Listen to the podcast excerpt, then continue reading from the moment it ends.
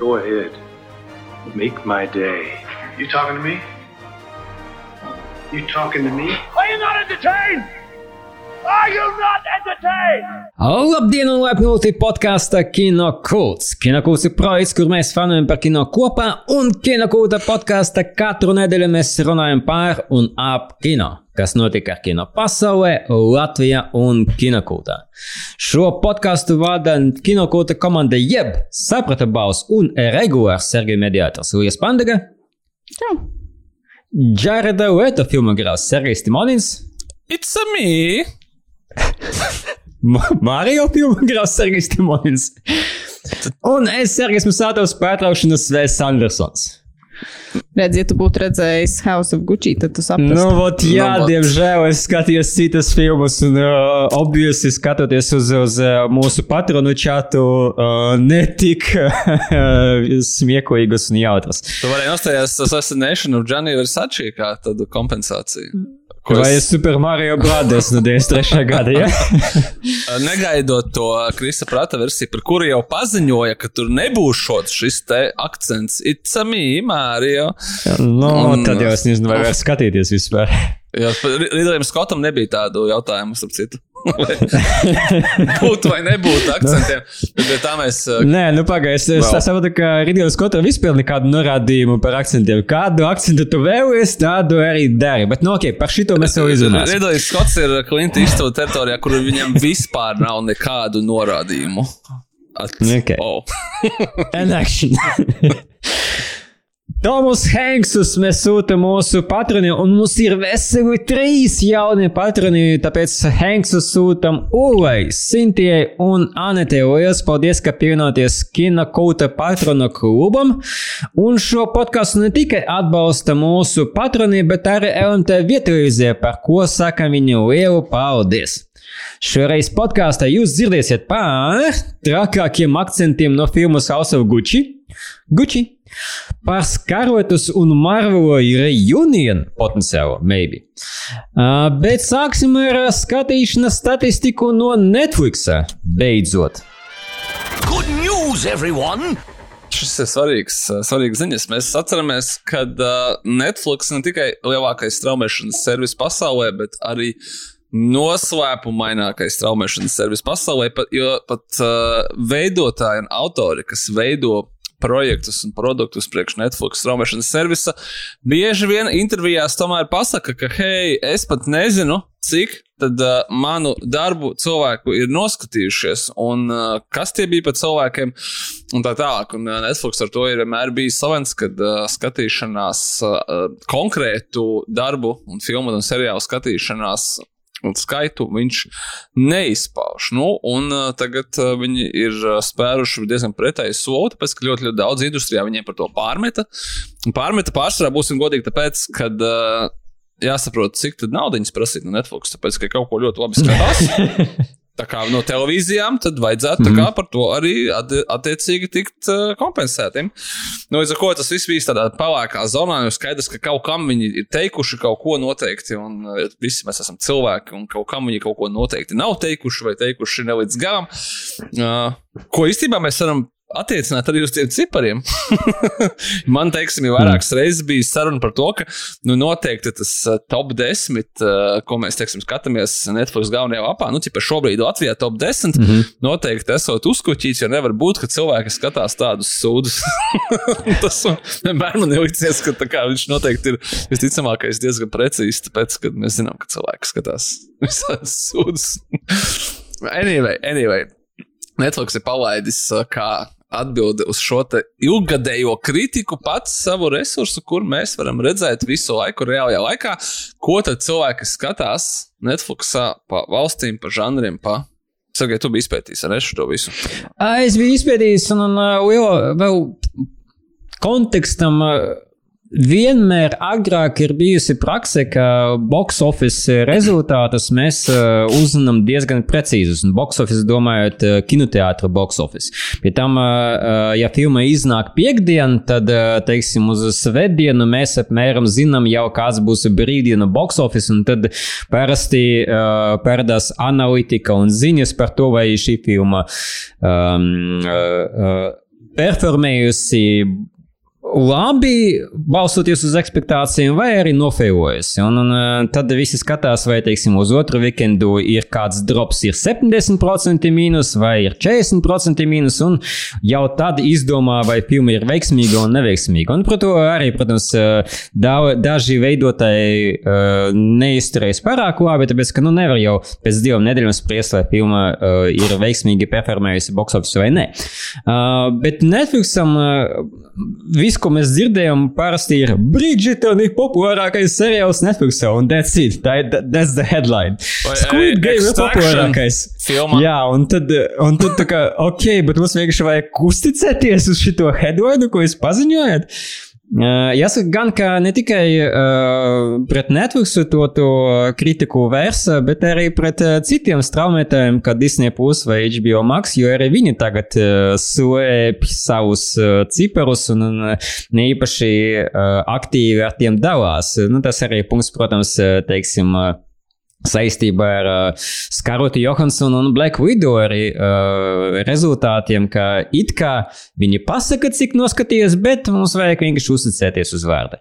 Nu, tad lūk, Netflix, par cik viņš šobrīd un jau kādu laiku ir līderis starp straumēšanas platformām, tad uh, parāda, kā vajag darīt. Nu, es zinu, es apskatījos to lapu, un tā lapa ir ļoti patīkami detalizēta. Jeb uh, var ļoti precīzi apskatīties, teiksim, uh, Katrā valstī kāds ir uh, tops, uh, kas sastāv no seriāliem, no, no filmām, un sadalīt ļoti arī precīzi, teiksim, uh, vai uh, šī žanra uh, fi filmas uh, ir uh, veiksmīgas tajā konkrētajā teritorijā. Un pie tam skatīties ne tikai uz uh, konkrētu statistiku par uh, šo nedēļu, bet pat līdz jūlijam, jo viņi jau kopš jūlija vāca šos datus. Uh, kas man pārsteidza par to, ka kopš novembra, nu kā, laikam ne jau tik ļoti pārsteidza. Mēs zinām, ka novembrī uh, Netflix dažās teritorijās iznāca The Office, tāpēc nav baigi liels pārsteigums, ka Latvija, teiksim, no top 10 skatītākajām sezonām Netflixā četras vai piecas pozīcijas ieņem The Office. Tāpēc, ka vienkārši visi saka, jē, The Office, Netflixā, un visi skatās The Office. Um, tādā ziņā uh, populārākais uh, seriāls Latvijā maybe nav Squid Games, bet gan The Office, ja saskaita visas sezonas kopā. Uh, un, un uh, jā, uh, Disney un HBO Max, teiksim, seko sēriju Netflix pēdā, un tad būtu interesanti redzēt viņu statistiku. Bet, uh, nu, es nezinu, es par uh, Disneyu tīpaši esmu kinda skeptisks uh, par to, ka viņi tik ļoti viegli dalīsies ar šiem cipariem. Skarot Johansonu ļoti gribētu. Un ne tikai viņa droši vien, bet uh, Jā. nu, vismaz kaut kāda cipara mums ir. Es domāju, ka, kā, ka Netflix tās ciparas nekad nedot uz āru, ja viņi nebūtu absolūti droši par to, ka uh, Jā. tie cipari ir ļoti lieli un viņi nu, nekādā veidā viņiem nekaitēs. Viņi tikai vienīgi būs apstiprinās kaut kādu viņu uzvarošo pasākumu.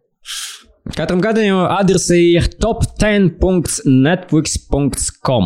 Un zini, Nu, kurā šobrīd ir top skatīties. 10 filmu Latvijā šajā brīdī? Nu, Nocturnal Animals. Tāpēc, ka viņi tikko parādījās. Ah, jā, Nu, jā, jā, okay, jā. okay, okay, jā. Uh, 9. ir Six Underground, filma, kurai ir gads, bet viņa joprojām ir top 10. Un uh, pirmās divas filmas ir The Rock. Un... nu, labi, tur var Oh, oh, well. cerēt, skatīties un pētīt un domāt, vai tas ir Draudīt, jā, viss kaut kā. fake cipari vai arī nē, bet, nu, Nē, nu, zini, kā tur, ja, ja tas būtu vienkārši top 10, tad uh, varētu spriest par fake, bet ja viņi tiešām sadala pa nedēļām līdz pašam jūlijam, tad uh, tīri fejkot tos datus katru nedēļu pārāk liels čakars uz visam teritorijām. Tāpēc, jā, es vairāk uzticos viņam. es domāju, ka tur viss ir. Viss ir pareizi. Tur nav. Mm. Labi, mums jāiet tālāk pie citiem straumēšanas servisiem, pie Apple Plus, kuri ir pārņēmuši Netflix stafeti, arī nu, tas tā būtu forši, vai arī viņi Tā ir pār, pārvilinājuši no Netflix uh, cilvēku vārdā Mārtiņš Skarsēze, kurš tagad taisīs jau otru. Mm. Otru projektu priekš Apple Plus straumētāja pēc sava tekošā projekta Killers of the Flower Moon, kurš tiek šobrīd filmēts. Uh, bet nākamais projekts būs uh, filma par Grateful Dead uh, mūzikas grupu, par viņas solistu, kuru ne solistu viņš ir. Es tagad negribu sajāties, jo es īsti nezinu šo, šo grupu, un es pat nezinu viņas tik ļoti tik detalizēti. Uh, bet, uh, jā, es atvainojos, viņš tiešām ir solists Džerijs Garcia, kuru atveidos Džona Hills. Es tikai izlasīju ļoti garu uh, sarakstu kino, uh, kino redītā, kurā bija 90% cilvēku teica, ka tas ir sliktākais castings ever, ko viņi ir dzirdējuši. Un es droši vien kā Grateful Dead uh, tāds, nu, daļradas ne. Nevis necienītājs, bet par, paralēli kaut kur esošs. Tā kā, nu, kāpēc? Interesanti tā, bet, nu, fani ir kur vecie fani. Saka, ka nē. Mm -hmm. Like. Es, uh, I mean, ja, ja Mārtiņš Karsesi pasaka, ka ir labs casting, tad varbūt ir vērts uzticēties Mārtiņam Karsesi. Mm, nu, varbūt. Uh. Tur nav tā, ka katru reizi, kad Džona Hillam ir kaut kāda jauna loma, mm -hmm. viss saka, sliktākais casting mm -hmm. ever, un tad, uh, un tad izrādās, ka nē, īstenībā ļoti forši. Liekas, ka Džona Hills sevi ir jau sen pierādījis, ka ļoti talantīgs mm. aktieris. Un, nu, tieši tā. Uh, arī gudrs, kā, kurš izvēlās pareizi lomas. Un, uh, un, un tā tālāk. Un rekord, viņš ļoti ir ļoti prātīgs un tā, tālredzīgs cilvēks. Atcerēsimies, ka savu laiku viņš nofilmējās pie Skorsēzes Valstrītas vilkā par 300 dolāriem. Beigās man šeit sanāca kaut kā, kaut kā jā, tā. Jā, jā viņš, viņš teica, ka viņš tik ļoti grib filmēties, kad viņš filmēsies par to zemāko to aktieru ģildes likmi, tikai lai būtu filmā, un viņam teica, labi. Un jā, tur bija tā, ka DiCaprio saņems 20 miljonus, bet tu saņemsi kaut kādas 300 dolārus vai kaut kā tamlīdzīga. Un viņš teica, man ir vienalga, es vienkārši gribu filmēties un paskatīties, kā nākamajā filmā, kurā pēc DiCaprio viņš ir galvenajā lomā. Nu, šajā mm -hmm. projektā. Un tā, bet es domāju, ka tas ir. Zini, kā tas ir īstenībā tāds interesants, zinot, kas ir filmogrāfija, trends, ka, ok, sākumā tad viņam bija De Niro, tad DiCaprio nomainīja De Niro, un tad izskatās, ka Džona Hill nomaina DiCaprio. Jeb, ja vēlams, ka sesija vēl daudzas, daudzas filmas, eh, un tad eh, visticamāk redzēsim Džonu Hughu tur galvenajās lomās. Bet es domāju, tas tāds viņam varbūt uz kaut kādā ziņā uz vecumdienām, vecmeistaram ir beidzot notikusi sintēze starp viņa filmetrāžas filmām un starp viņa produ režisētajām un producētajām dokumentālajām filmām, kuras viņam mm -hmm. ir par mūziku, viņam ir par Rolling Stones koncerts, par Džordžu Harrisonu, kas viņam te vēl bijis, mēģinu skatīties respektīvi, Melamāns Skorsēze beidzot to ir apvienojis filmas mākslas filmā. Nu, un, ja jūs esat Grateful Dead fani, tad uh, tas, domāju, tas ir ļoti, ļoti labas ziņas. Kā minimums, tikai tāpēc, ka filma top, un tad jau varēsiet paši izdomāt, vai Džona uh, Hills ir Džerijs Garcia vai viņš nav. Bet to mēs visi jums uzzināsim, visticamākais, 23. gadā. 24. Mm -hmm. nu, kaut kas tāds. Nezinu, kad, kad, viņš, kad viņš paspēs. Uh, bet man ir priecē to, ka Skursēze ir diezgan, diezgan aktīvs. Nemazāk aktīvs kā Ridlijs Skots bez mazliet. Hmm. Nu, vēl viena skatu aktivitāte vēl lielāka un apskaužāma, un, un, un skatīsimies, uh, cik ilgi tā turpināsies. Nu, labi, mums ir uh, pretējā kaut kādā spektruma pusē ziņa par to, ka uh, Mels Gibsons režisēs uh, filmu Nāvējušies ierocis pieci. Kas. Uh, es, es, es par to arī palasīju. Uh, turpat kino redītā. Tur diezgan daudz cilvēku teica, ka, uh, kad, uh, nu, Džeka, beidziet uh, piekasīties Melam Gibsonam. Viņš, kā, viņš ir atsēdējis to savu tipu direktoru žēlu, un viņš ir atvainojies Un uh, mēs nevaram viņu visu. Nu, es, es nezinu, es īstenībā nezinu, kā es par to jūtos. Man vajadzētu teikt, ka es esmu tipa fans, bet es nezinu, es, man nav viennozīmīgi pozitīvas attieksmes pret šo projektu kopumā, kur man liekas, ka tas kaut kā. Tur ir tik daudz kaut kādu tādu Gibsons varbūt pat mazākais. Viņi ļoti ilgi viņu turēja ar Richardu Doneru, un tad viņš uh, pēkšņi viņš nomirst no vecuma, un tad, ah, ok, taisam, taisam tagad filmu. Nē, nē, viņš sāka jau rakstīt pareizi. Jā, jā, nu, es, nu, viņš nē, pats nu, ieprocesēja. Nē, nē, viņš ieprocesēja, bet viņam, nu, tā kā nedeva naudu. Es domāju, ka tas ir mm -hmm. kaut kāds, tā kā, nu, kā es, kā es to redzu. Ričards Doders teica, pēdējos gadus 15, es gribu taisīt nākamo daļu. Viņam teica, nu, vai tur rakstiet, eh, kaut ko domājiet, un tā tālāk. Es domāju, ka, ja tiešām būtu vēlme to filmu veidot, viņam pateikt, tā, ok, re, kur ir nauda, filmējam pēc sešiem mēnešiem, līdz tam laikam pabeidz sarakstu. Nu, bet tas tā nenotika. Bet tagad, teiksim, viņš nomira un pēkšņi, jā, jā mēs taisām. Tagad uzreiz jāpasaka, ka tas būs HBO Max projekts, kas nozīmē, ka viņš visticamākais kinoteātros neiznāks. Un mums arī pagaidām nav informācijas, vai tur vispār kāds piedalīsies. Uh, neskaitot Gibsonu kā režisoru, bet mēs pieņemam, ka tur būs arī Denis Glovers. Un, un to pieņem arī Gibsons, bet uh, un, un skaidrības un vēl Džo nav. Peši un Kris Roks un Renē Russo un kas ir vēl. Nu, nu jā, nu, es nezinu. Es nezinu. Man liekas, jā, pirmkārt, jautājums ir priekš kam, un tad ir jautājums, kāpēc neļāva donoram, un tad man ir jautājums, vai Gibsonam vajag dot, vai viņš tur man šeit ir kaut kādu savu nišu atradis bēka vasas grāvējos ar cilvēkiem, kuri, kuri nu, tā, kā, teiksim, tā tolerantāk izturās pret cilvēku pagātni. Un, tā. Es zinu, ka tur ir vienīgi uh, laikam komentārs par uh, to direktoru Džeju, vai viņam vispār tāds ir bijis, jo viņš uh, turpināja filmēties bez uh, kaut kādām baigām problēmām. Mm, nosacīta, bet. Uh, Bet, uh, bet teiksim, tā, viņš, nu, kā viņš uh, ir nominēts Oskaram pēc tam par šo te Hacksaw Ridge. Hacksaw Ridge. Jā. Tā kā es domāju, ka viņam viss, Savu. viss bija diezgan, diezgan veiksmīgi, bet viņš noteikti nav tā pats superzvaigznes, kas bija kādreiz. Nu, anyway, es saku, man tā kā man mazāk viņš satrauc arī tā kā tādā objektīvā nozīmē, kas kā viņam iet. Viņam, es domāju, viss ir labi un vēl, labāk. Mm. Mhm. Relatīvi. Bet uh, man liekas, ka es, es nespēju negribu jokot par to, ka mēs esam par vecu priekš tā sūda, bet, nu, come on. Vienīgais, ko es. Ir jau bijušas divas sezonas ar, ar, ar seriālu vai trīs. No kur arī pēc skandāliem atlaida galvenā Somijas atveidotāja. Tur kaut varbūt vienkārši jāpaliek pie tā, ka ir četras filmas un viss.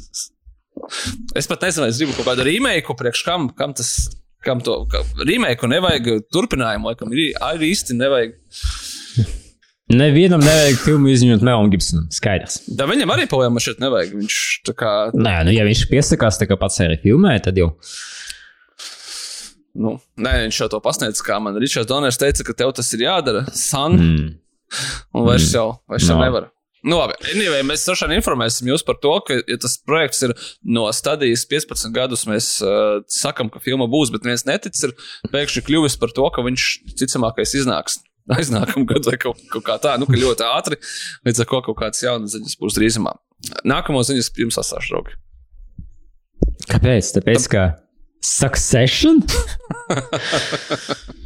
Uh, par Succession ir tā, ka Brian Cox pateica, ka viņš uztaisīs uh, savu režijas uh, debiju, un šoreiz, par cik viņš tagad laikam divu ar pus sezonas vai nu trīs sezonas vēroja, kā uztaisīt uh, narratīvu par disfunkcionālu ģimeni, nu tad par to arī filmēs uh, savu, savu režijas debiju, kas saucas Glenn Rothen. Tas arī kā indīvis. A jūs to viņa grāmatu kāds izlasiet? Vai viņam ir? Mm, Koksa? Uh, Jā, viņam tas bija tagad pareizi. Viņa, man liekas, drusku vēlāk iznāk. būs ka, tikai- ka tur bija tikai, ka tie bija Ah. tikai tur tādi eksplozīvi citāti no tiem, kas laikam jau ātrāk viņi bija saņēmuši. Ka viņa vēl nav, man liekas, iznākusi. Um, uh, nu, tā kā visiem publiski pieejama, ja es, ja es šobrīd baigi nemaloju. Ok. Tad, tad, tad Nu, un stāsts būs par diviem brāļiem uh, Skotijā un, un uh, par diviem brāļiem, kuri dzīvo tajās Glent Rothen pilsētā, kas ir slavena ar savu viskija distilēšanas uh, rūpnīcu. Pagaidām tas ir viss, bet uh, tas, ko mēs zinām, gan, ka Succession joprojām turpinās. Un joprojām ir vērts skatīties, jo trešā sezona spridzina tāpat kā iepriekšējās divas. Tas uh, updates par Succession no mūsu review. Ļoti labi. Mums ir, ā, mums ir būs jauna filma no ā, režisora, kuru, manuprāt, mēs varam godīgi. Mēs viņu nepazīstam, bet nosaukt kā cilvēku, kura karjera ir aizgājusi galīgi ne tur, kur viņa tika prognozēta. un Tas ir ā, režisors Ruperts Vējats, kuram, ā, kuru man liekas, ka visa pasaule iepazina vispirms caur filmu Rise of the Planet of the Apes. Tā gan viņa bija trešā filma, filma. Viņam bija filma The Escapist ar Andiju Serkisu. Ja es tagad nemaldos, un es to ātri pārbaudīšu. Uh, un uh, Brianu Koksu, jau tikko pieminēto, kā arī Demienu Luis un Joseph Fiennes. Nu, tā ir britu filma, skaidrs, kad um, mazāk skatīta, bet jā, Rise of the Planet of the Apes. Uh, toreiz ļoti plaši izskanēja, ļoti daudz pārsteidza. Tā skaitā arī mūs ar to, kā, kā apskatījās uz šo pētīņu planētu. Un tad uh, Ruperts Vaits ar skandālu aizgāja prom šeit toreiz no otrās daļas veidošanas, tāpēc, ka teica, ka viņam nu, tur bija cre creative differences. Un uh, ilgi gatavoja savu nākamo filmu, kas bija ļoti liela budžeta zinātniskās fantastikas filma Captive State. Tad viņa bija aiznākamā filma. Nākamā filma bija filma The Gambler. Tā bija tā filma ar Marku Obergu. To laikam daudz no jums nav redzējuši. es to filmu es viņu biju noskatījusies. Es atceros, viņu ka pēc viņu biji Mar- diviem gadiem skatījos vēlreiz svētā pārliecībā, ka viņu neesmu redzējis. Un es kaut kur pusceļā sapratu, kad es iegāju Letterboxdā, ka es esmu viņu redzējis. Tā ir. oh, that's reassuring. Tā ir viena no tām filmām. Tā ir viena no filmām, kurām ir, uh, tā, tas ir bija remakes, un tur ir labi aktieri. Tur ir Marks Obraks, tur ir Jessica Lange, Johns Goodmans un uh, Rio Arsona. Paskaties, pat Maikls Kenets. Jo, Maikls Kenets, jo, Kad tu ir. saki labi aktieri, tad uh, tu vienalga piemini Volbergu tajā sarakstā, jā? Nu, bet viņš ir Hmm, Oskaram interesting. divreiz nominēts. Pagaidām, stop, stop, stop, stop. Vai šitos joks izbeigsim tagad nopietni? Viņš ir divreiz nominēts Oskaram. Kāpēc jūs smējies? Daudziem aktieriem, Nu, kurš to es uzskata par smējos labiem, viņi balstoties nav uz nominēti. pēdējiem, pēdējiem viņa uh, darbiem, bet nu labi. Nu, so, Apačino pēdējie darbi ir izņemot House of Gucci. House of Gucci. Un, uh, Jack and Jill. Nē, nu, tas nav Jack and pēdējā. Jill, kāpēc tu piemini? Pačino. Pagaid, bet uh, Pačīnā jau uh, pateica, taču intervijās, ka viņš speciāli uzņēma drausmīgus projektus, lai vienkārši paeksperimentētu, vai viņš var izdarīt kaut ko labu un interesantu. Viņos atbild droši vien ir nē, bet uh, viņš uh, nu, nav tā, ka viņš nezināja, ko viņš darīja, tad, kad viņš piekrita Jack and Jill. Uh, un kad viņš šomajās tajās uh, Avio Wernera Millennium filmas filmās, viņš arī laikam nezinu, ko viņš dara. Nē, es domāju, ka tas ir interesants arguments, bet mēs saprotam, ka viņš vienkārši mēģina kaut kā paskaidrot savu rīcību. Anyway, es domāju, ka mums vienkārši jāpiekrīt, ka Marks Vobraks patīk mums tas vai nē, bet viņš ir labs aktieris, kurš ir uh, filmējis dažādās lomās un arī ļoti, es nezinu, vai viņš ir labs cilvēks, es domāju, ka nē, vai viņš ir prātīgs savās karjeras izvēlēs. Droši vien, ka jā, viņš, ja viņš grib pelnīt ar, ar tām lomām, protams, ka jā. Bet uh, viņam ir pietiekoši daudz lomas, vairāk nekā daudziem citiem aktieriem, kas ir izcils. Boogie Nights, The Fighter, Departed. Jā, labi, tas būtu, piedodiet, tas ir tāds. Uh, es vienkārši gribēju aizstāvēt Marko Obreku, kad, uh, ja viņš strādā režisoriem, kas no viņa spēja dabūt ārā, viņš, uh, viņam viss ir kārtībā. Tas ir vairāk viņa, domāju, personīgās izvēles. Piemēram, filmēties Daddy's Home vai strādāt ar Pīteru Bergu. Nepārtraukti. Mēs varam, ok, es ņemu tad savus vēlus atpakaļ, un es varu pateikt, ka Marks Volbers ir tikpat labs aktieris kā Adams Sanders. No, bet tam senam nav Oskara nominācija. Vai ir? Markam Obergam ir vairākas. Vai-? Nu, tā, nē, nē, skaidrs, ka tad, tad, nē, nē, tad, kad mums tas ir izdevīgi, tad, ā, tad akadēmiķi jau ohik, bet kad mums tas ir izdevīgi, tad viņi cipa nosaka kvalitāti. Tas, pats- tas patās ir ar Lielo Kristapu Latvijā. Es pat pēc to atzīstu. Nu, kad vajag, tad mēs izmantojam. Un, kad nevajag, tad mēs sakam, bet kaut ko, ko sanominējuši, neko nejēdz. Tur viss sarunāts. Tas ir normāli. Tas, tas man, normāli. Tas man eh, atgādina community sēriju par to, kur eh, abas mēģina saprast, vai, vai Nikolas Keits ir labs aktieris vai slikts aktieris. Izcils aktieris. Unikāls aktieris. Es es neteicu, labs vai slikts. Nu, tad Marks Volbers arī unikāls aktieris. Es domāju, ka viņš ir unikāls. Ir tikai viens cilvēks, kurš var būt vienlaikus Paula uh, Tomasa Andersona filmā, uh, Skursēzes filmā, saņemt pat Oskara nomināciju un būt uh, šāda Antoine Foucault filmā Infinite. Nu, pilnīgi mm -hmm. miskas, tā skaitā arī Volberga tēlojums. Nu, tas, nu, Nē, es zinu, ka uh, Volbers sen nav Toma Andersona filmā. S- Un, un, un uh, Skarsēs filmās. Nu, va- labi, anyways. Bet kas ir tā jaunā filmā? Unikāls aktieris. viņš uzvarojās tagad kaut kādiem 90 kg, vai viņam būs kaut kāda tagad, atkal metoda acting filma, The Fighter. Sanders, Keits vai vai Nē, nē? Obergam, Obergam būs tagad, uh, kaut kāda. Es jau jau kāda jaunā. Tā kā varbūt mēs viņu redzēsim. Es domāju, tas ir. Mēs baigi aizrunājāmies vispār ne par tēmu, bet tas ir interesants case, kuru var citi pēc tam pateikt, ka uh, ir tiešām ir, ir aktieri, kas ir kādi kaprio, kas filmējas reizes divos gados un sistemātiski izvēlas lomas. Un ir tad uh, Volbergs, kurš filmējās, tā skaitā labās filmās, tā skaitā viņš tiek atzīts, bet viņš filmējās milzīgā lērumā, kāda pilnīgākā šita. Vai arī būsim godīgi vienkārši tādā viduvēja filmā, zin kā šits tas vēl būtu, būtu kaut kādā ziņā labi. Filmas ir hmm. viduvējs. Nu, anyway, mums ir.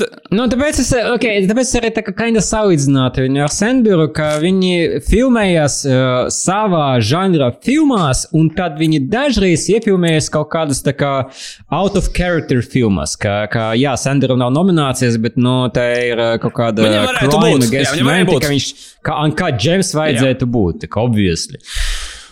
Nu, jā.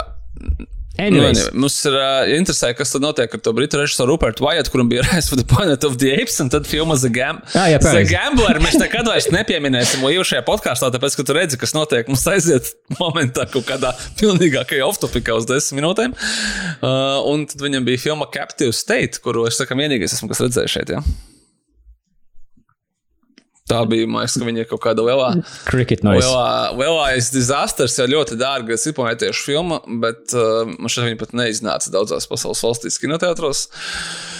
Uh, jā, un tad, uh, un tad uh, na, viņam kaut kur viņš sāka filmēt kaut kādus seriālus, eksorcistu, vienu sēriju uzfilmēja un tā tālāk. Un, uh, un tagad uh, mēs uh, vienkārši vienā no iepriekšējiem podkāstiem pieminējām par tām Saudārābijas filmām un par to, ka tā ir jaunā nauda, kas iepūst Hollywoodā. Un izrādās, ka ne tikai zāģa režisors ar Jeremiju Ironsu taisa filmu par trakajām, trako čelistu. Viņi tur bija toreiz, laikam, jā.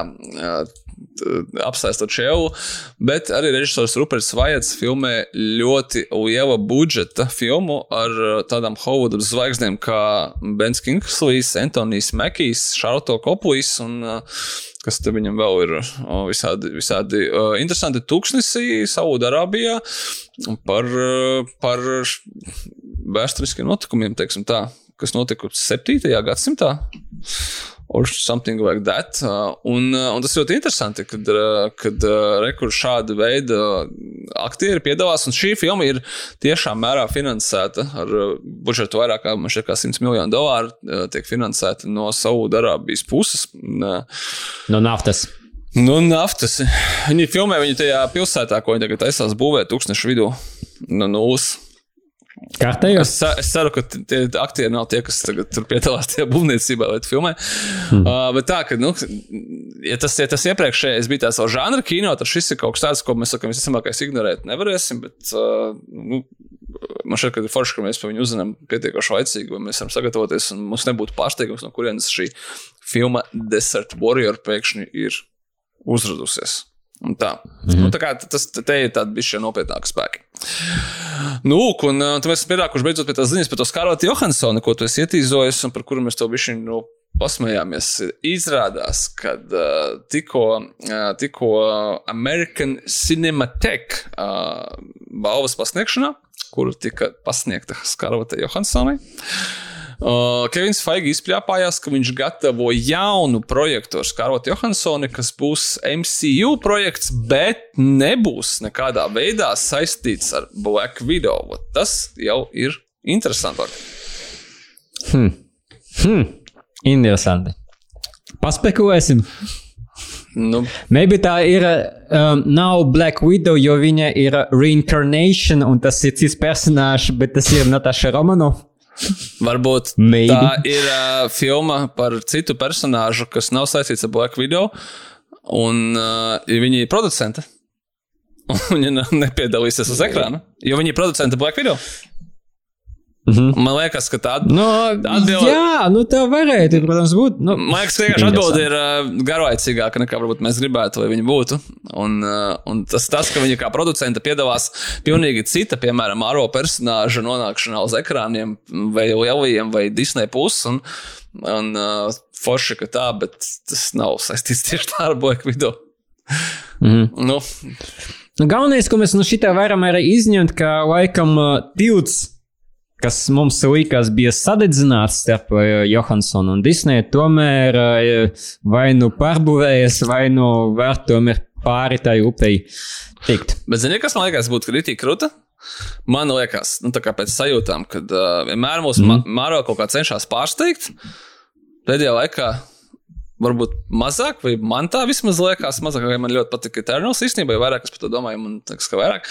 Bet zini, cik krūta būtu, ja vienkārši viņi paziņot, ka, hei, uz vienu filmu atgriežas Roberts Daunijs, kā Ironmans no citas dimensijas, vai kaut kā, vai, teiksim, Kris Evans. Tas taču vienkārši uzspridzinātu, fans un uz to filmu atkal nopelnītu miljardu. Un, ja tas ir tas, ko viņi vēlas, nav jau cita mērķa palielam. Kā pelnīt.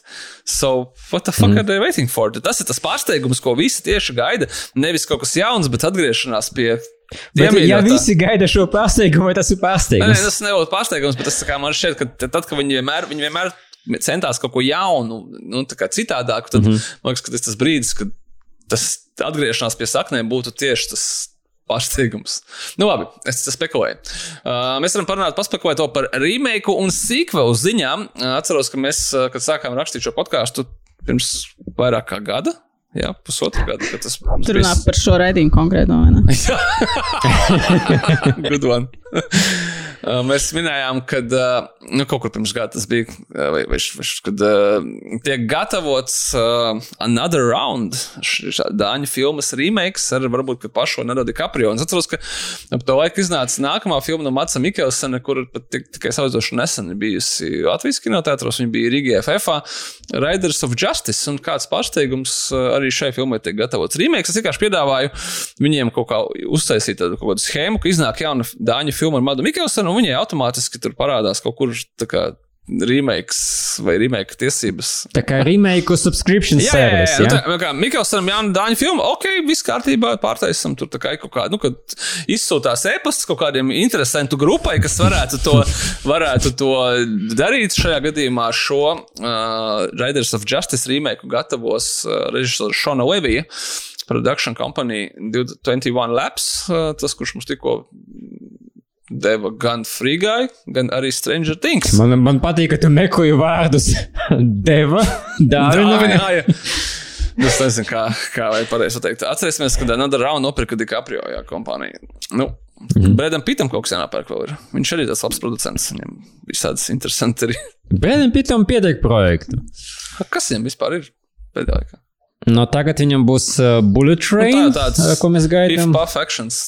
Ah, tu, un uh, viņam būs Puff uh, action uh, komēdija. Ah, viņam, starp citu, ir divas filmas ar Sandru Bulloku. Viņam tad ir Bullet Train un Lost City of Nē, tu, D. tu kļūdies. Bet viņš ir nepiedalās.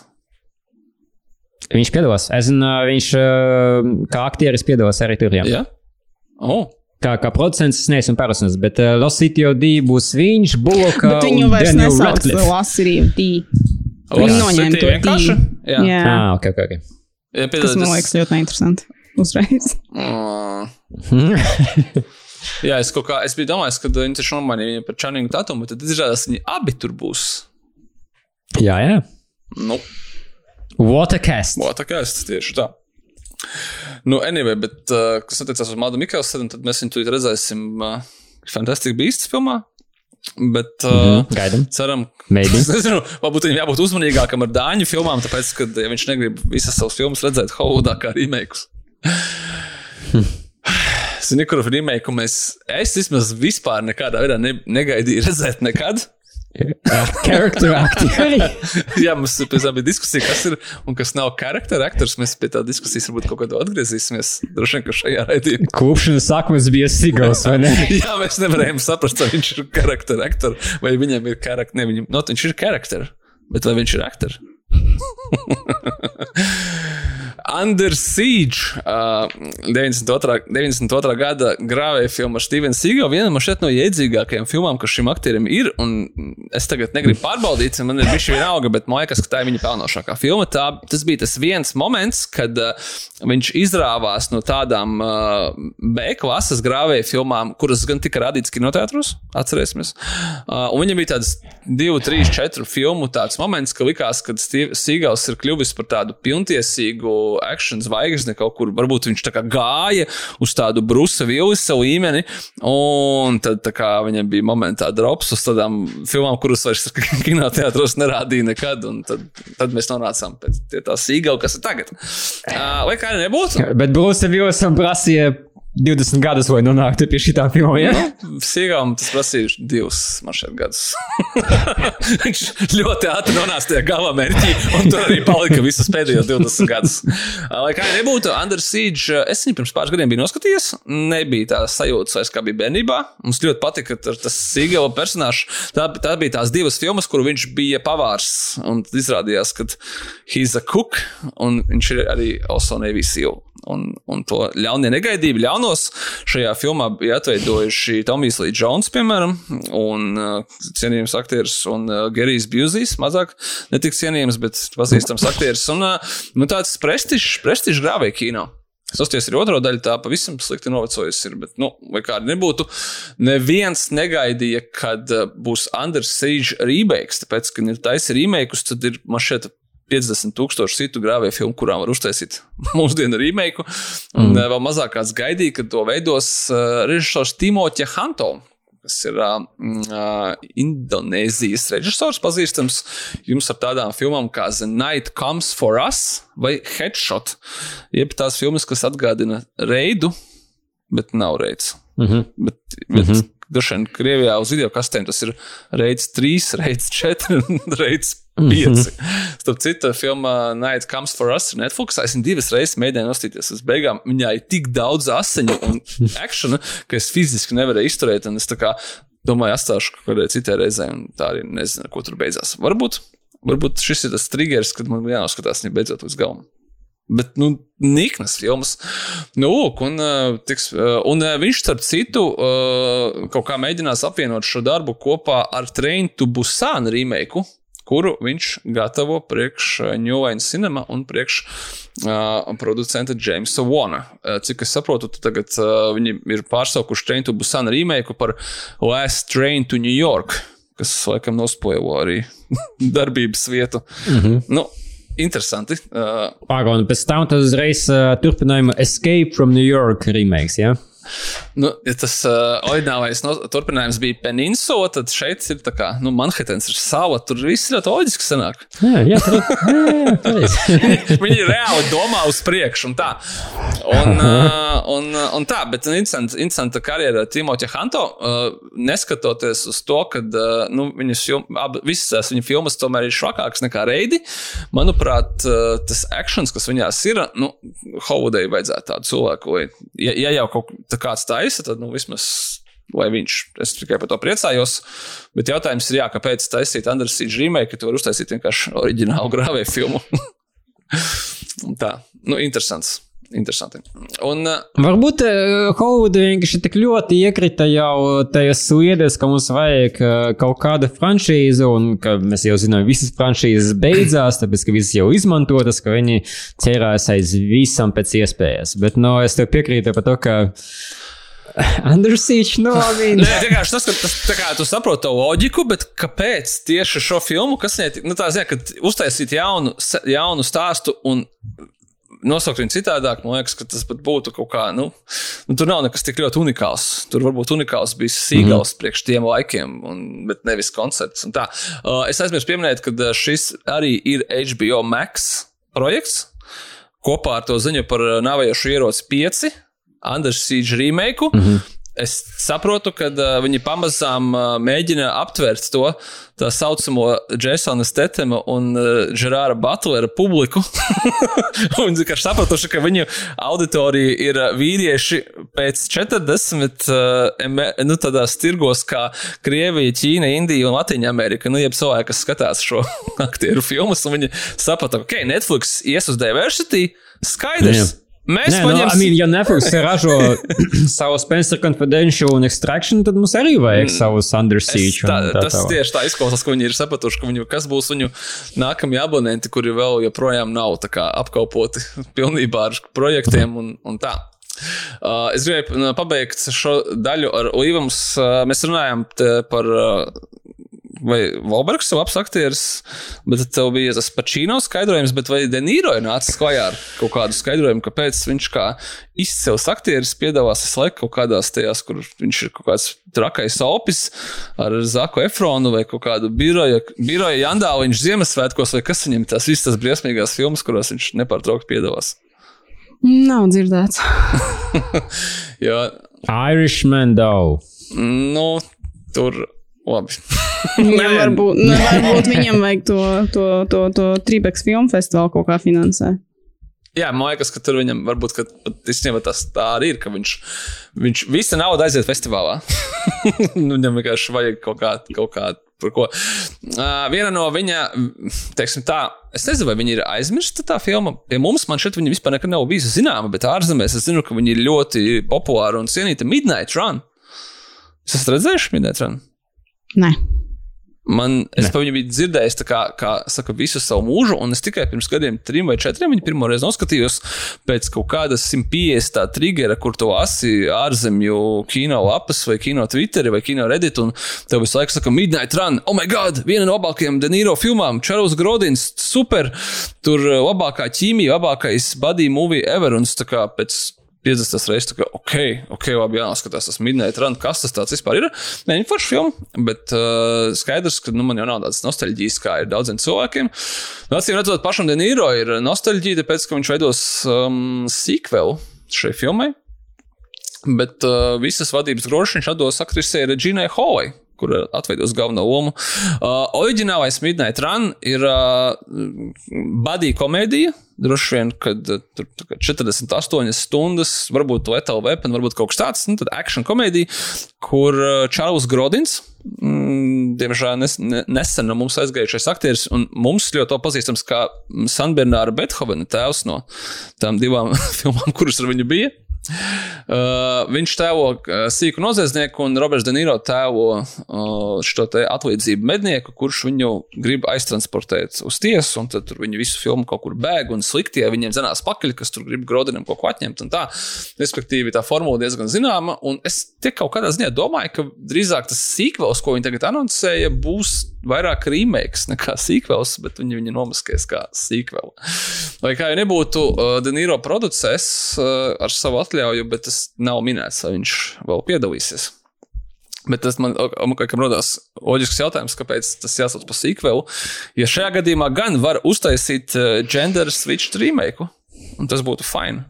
Nu, reiz mēs tikko runājam par, par remakiem. Bet, Nu, nu, jā, vienā gadījumā, kur tu nesaproti, kāpēc jātaisa remakes, un otrā gadījumā uh, man pat liekas, ka Kāpēc jā, būtu loģiski, ja viņi taisītu nevis sīkvelu, kaut ko mēģināt kaut kā. Īpaši, ja viens no aktieriem ir miris. Jā, nu, tā kā, nu, uh, vienkārši labāk uztaisīt, uh, uztaisīt remake ar citu šo te pārīti, kuriem vienkārši jāatrod cilvēku, nu, aktieru abu ķīmiju, un, uh, un varētu būt forši. Ja stāsts bija interesants. Labi. Es jūtos vecs, neviens nav redzējis šīs vecās filmas. nu, tu jau arī tikai nesen noskatījies, tā ka neieties baigi vēc, ok? Nu, man mazliet kaut kā es to labāk nekā jūs. Es neesmu redzējuši. Bet... Roki! Jā, pareizi. Taču iznāca beidzot tas Stalones versija par Rokiju 4, un es beidzot varu skatīties visu no sākuma Ah, tu to gaidīji, kad viņi izgriezies to robotu, ja? Jā, bet es kā varbūt es pagaidīšu trešo krīdu, un tad man būs visas daļas kā vienā tajā trakajā Rokija maratonā. Nu, jā, labi. Kurš, saka, kurš gan būtu tas runātājs? Man liekas, nevajadzētu daudz sprāgāt par klasikas neredzēšanu. One day, one day. -hmm. uh, noslēgsim ziņu bloku ar seriālu jaunumiem. Friends Reunion noskatīts, Harry Potter Reunions top. Jeb tieši 20 gadu jubileju HBO Max, mums, uh, kurš, protams, nav pieejams, un attiecīgi mēs neko par to nevaram nu, zināt, kas tur notiks. Bet Harry Potter 20 gadu reunions, kurā piedalīsies visi iemīļotie aktieri un nepiedalīsies Joanna Rowling. What? Oh, Tad- wow. What a twist! Skatīsieties? Nē, no abi. nu, skatīsimies, jā, noskatīties jau tā kā. Vai, ko jūs skatīsies? Ja būs legāli pieejams. Nu. That's the spirit. Kas notiek tajās mūsu, Skatīt- piedošana, mūsu tajos legālajos HBO platformās, kas mums ir pieejams? Friends Reu- Reunion ir pieejams? Man liekas, ka nē. Ok. Nu, tad droši vien šis arī nebūs. Nu, Bet kad, kādreiz arī HBO Max mums būs pieejams, tad arī Starp noskatīsimies. Bet, citu, nu, jā. okay. Starp citu, tā, ka tā kā, tā kā varēsiet nepaspēsiet gan jau uz to tagad, eh, to decembri, ka viņu palaidīs, bet uh, Tas 1. janvāra. Ui, nu jā, tur, ir Daniels Redkovs, Emma Watsona, Ruperts Grīns, protams, Kristis Kalambus. Nē, nu, ja viņi, tas, tas ir uz 20 gadu jubileju pirmajai filmai, tad droši vien loģiski, ka tur ir tieši Kristis Kalambus. Un uh, Helēna Bonham Carter, Rob- Robijs Kotrēns, Ralfs Fains, kurš nav pirmajās divās filmās. Pareizi. Mm, viņš nav Pirmajās trijās. pirmajās trijās filmās. Un ceturtajā arī viņš ir tikai mazliet. Nu, nē, tur jau viņš tā diezgan. Tur nav, es tagad, es tagad zaimoju, es zinu, bet es sen neesmu skatījies, uh, kopš viņš iznāca, precīzāk sakot, Harry Potter. Uh, tur nav kaut kāda aizskata balss pirmajās filmās, kur ir vārdā neminēmais. Ne? Vispār neparādās, tikai tiek pieminēts. Nē, nu pirmajā ir tas pieminēts. Nē, nu, rēks, kā, nu kā. Nu, un, un uh, seja uh, kviruma. Nu, tas tas, jā, ko es domāju, jā. Pakausī. Okay. Un otrajā tad- viņš ir kā jauns uh, valdnieks. Jā, jā, tas to, to tas Bet jā, tas trešajā, jā. trešajā gan nav. Tur ir Sirius Blacks Ok. un citi. Bet, kā, man liekas, īstenībā tas ir forši, tāpēc, ka uh, skaidrs, ka šī štēle ar tiem reunioniem ir aizgājusi, un HBO Max kaut kādā ziņā man liekas, ka tomēr ir mazliet pionieri šajā visā pasākumā. Pat neskatoties uz to, ka tie reunioni ir kaut tāda YouTube interviju. līmenī, nu, tomēr šajā gadījumā viņiem ir pieeja tiem visiem aktieriem, veidotājiem un, un, un visiem pāriem, kurus viņi var smuki sasaukt kopā, nofilmēt, nointervēt un samontēt un, un palaist. Es domāju, ka tā ir tāda fēniša tēla, ka, ko viņi noteikti eksploatēs arī citām savām, mm -hmm. savām lietām. Tā kā gaidām, gaidām arī uh, nāvējošo ieroču reunionu. Būtu feini, ja viņi uh, ne tikai uztaisītu intervijas, un ne tikai mēģinātu parādīt kaut kādas uh, aizkulisēs, behind the scenes uh, footage, ko mēs vēl neesam redzējuši. Mm, bet būtu feini, ja viņi arī, teiksim, izmantotu šo kā platformu, lai anoncētu, hei, ka būs Cursed Child filma, vai arī ka būs uh, animācijas seriāls balstīts uz Harry Potteru un tā tālāk. Bet es gribētu to Cursed Child filmu. Jeb, name only. Vai pā, jāpāraksta viss, kas tur notika, bet uh, Es labprāt noskatītos. Es gribu redzēt to, to izrādi, bet ne tik daudz tā stāsta dēļ, bet viņi esat Mm. ļoti iespaidīgi Mhm. Mm. uzvesta, ka tur, nu, tur tā maģija esot tiešām jūtama un tā, un ka, ka viņi, nu, ir tādā ziņā interesanti, bet tas stāsts ir, mm, nē. Uh -huh. Nu, stāsts ir tāds drusku fanfiction, uh, la, la, lasot to, to pašu skriptu scenāriju. Bet, nu, redzēs, varbūt tā, viņš ir ļoti labi adaptējams pašai filmai, jo, jo viņš ir tāds uh, in and out un, un, un uh, salīdzinoši netik plašs kā filmas, un varbūt pat vieglāk adaptējams kaut kādā ziņā. Bet, nu, redzēs. es. Galvenais nevis vienkārši Rowlingu pie scenārijiem. That's my point. Mm, bet viņa pat nesarakstīja šo kā. Uh, viņa raksta. Nepagaidām, nu viņa kopā rakstīja ar Džeku Tornu vai tikai viņš rakstīja? Es neatceros tagad. Nu, Nu, tas kā- stāsts jau, man liekas, nāca no viņas, nu, vai Jā. vismaz tas ir noteikti ar viņas akceptu. Jā, jā, man liekas, tā, ka viņi tā kā, nu, tā kā oversee, tā kā, ok, ok, ķipa, nu, ka šito jūs varat, mm. -hmm. te es iesaku to, bet ka tas nebija īsti. Nu, tur ir kaut kā viņa uzrakstītas torns, bet tad viņš ir based on an original story by mhm. Rowling, John Tiffany and Thorne. Tā ka nu nav tā, ka viņas kontribūcijas tur nebija vispār. Es tev varu Bet, nu, feini, vispār tā kā. Uh, kaut kādā ziņā. Uh, lielā ziņā. Uh, bet interesanti vispār, nu, protams, ka tā kā vai, vai Rowlinga būs tāds giant elephant in the room, kur visi, uh, ka viņa būs vārda neminamais autors uh, uh, special ietveros, ka tā kā, nu jā, the author was uh, very like, sophisticated with writing un tā tālāk. Nu, pagaidīsim. To es, to es gribētu labprāt apskatīties, kā viņi to Tā man atrisinās. īstenībā tagad iedeva actually, kā lielāko motivāciju skatīties to. Tā kā Tas reāli ir interesanti. Tas ir tā kā tāda intriga, kā viņi, kā viņi mēģinās to apiet, tāpēc ka skaidrs, ka, ka, nu, ka tas ir šajā. Labi, interesanti. nu, ka mums jau ir divas ziņas par diviem dažādiem, bet uh, kaut kādā ziņā līdzīgiem komēdijas seriāliem vai arī komiskiem seriāliem. Uh, viens ir atgriež mūs pie mūsu pirmās ziņas par Netflix un par to, kad, uh, ka tu esi tik liels un tik bagāts, ka tu vari troļļot aut citus autorus, savus skatītājus, nu, droši vien jau ar šiem te, datiem, viņu izpaušanu vai neizpaušanu, un arī bijušos konkurentus un visus pārējos. Tāpēc, kad atcerēsimies, ka kādreiz Netflix radās No tā, kad mm -hmm. uh, viņa, viņa dibinātais Rīts Hastings, Rīts Hastings aizmirsa nodot blockbuster video atpakaļ iznomātās video kasetes, ne, vai DVD diskus, piedošanu, tas nebija tik sen. Un uh, viņam bija jāmaksā tur tas, tas uh, sods, un viņš domāja, nu nē, tā nav labi, jāuztaisa savs servis, kuram mums nebūs sodi, būs vieglāk atgriezt. Un, uh, un uztaisīja Netflix, un kādre, kādreiz Netflix bija video DVD disku noma pa pastu, tika sūtītas sarkanas aploks saiknes ar Netflix un tā tālāk. Un, un tad viņam bija atcerieties īstais brīdis, ka viņi sadalīja kompāniju divās daļās. Viena bija tas traumētājs, kurš tikai, tikai radās, un otrs bija mm -hmm. disku noma. Tad tur cilvēki sacepās, kritās šausmīga vērtība, tad viņi atgriezās visu atpakaļ. Un skaidrs, ka tā disku noma daudziem Netflix lietotājiem mūsdienās nes tā kā ne, domā, ka joks kaut kāds, un kāda disku noma, par ko jūs runājat, ka Netflix ir straumētājs. Nu, nē, tas viss jau radās no, no filmu disku nomas.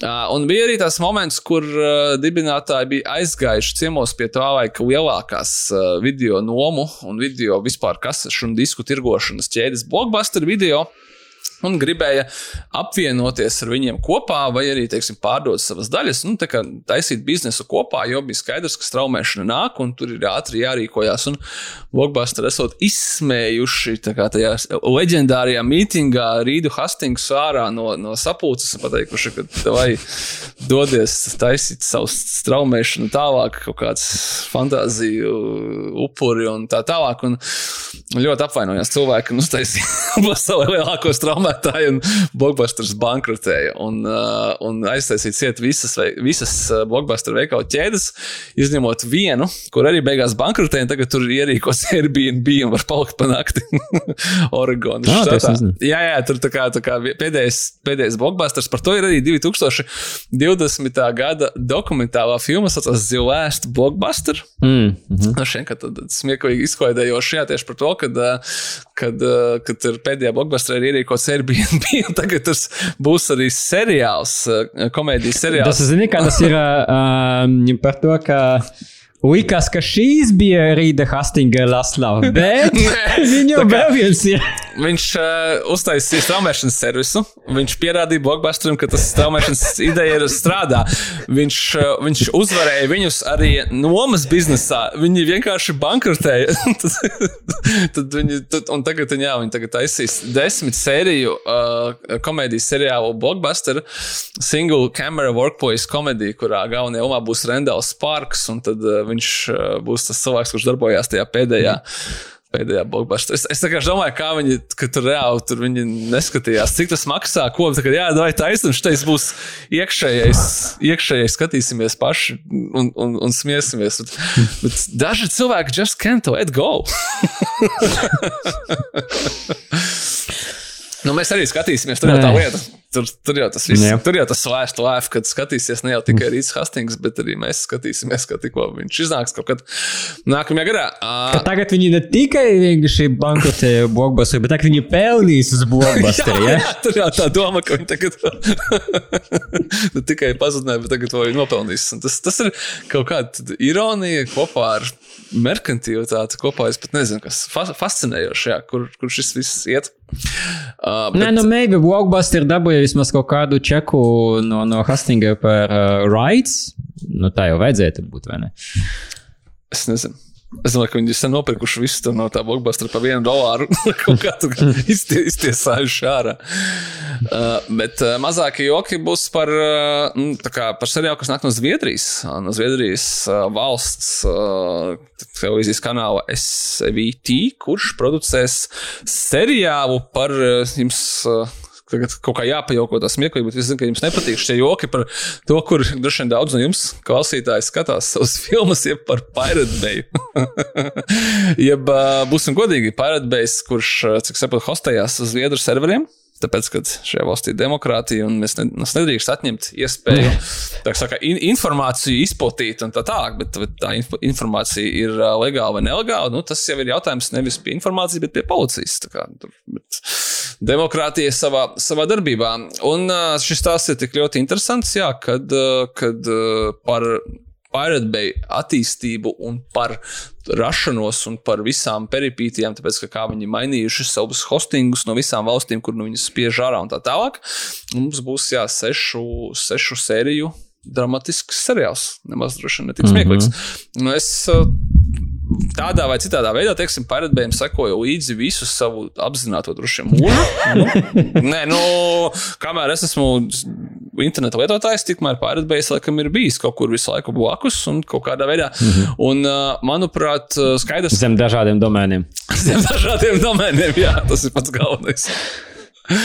Un, un viņam tur nav, tur nav tik Protams, skaidrs, ka tas ir kā, nu, pirātiskā satura serveris un tas ir slikti un tā tālāk. Bet te pašā laikā viņi ir attīstījuši informācijas apmaiņas tehnoloģijas kaut kādā veidā, un arī varbūt eh, ne viss saturs, kas ir Pirate nu, ir tik ļoti nelegāls. Teiksim, ir kaut kādas dokumentālās filmas, kuras, teiksim, citreiz uh, runā par sensitīviem topikiem, kurus kaut kādās valstīs grib aizliegt, tad viņas arī tiek izplatītas ar Pirate Bay. Tad, attiecīgi, šis peer-to-peer tehnoloģija, jeb torrenti pati pa sevi nav nekādas ne vainas. Tas ir informācijas apmaiņa internetā, un arī to ir kā, pionierizējis. pionierizējis. Pārādbējis. Un tā kā skaidrs, ka pēc tas stāsts ir ārkārtīgi, ārkārtīgi interesants. Viņš jau man šeit kaut kādā brīdī, nu, tagad ir bijis mierīgāks kļuvis, bet, nu, jā, tur bija visādi. Visādi interesanti pavērsieni. Es domāju, ka uh, skaidrs, ka uh, šajā gadījumā nu, ir bezmaksas reklāma, ļoti liels šim seriālam, bet man ir viens jautājums, vai ja viņš pēc tam būs Pirate Bay, tā būs dubultā ironija, vai ne? mm. Bet nu, gaidām, gaidām, gaidām, kad, kad varēs nosties un par to, kas tur atveidos un ko, tur būs.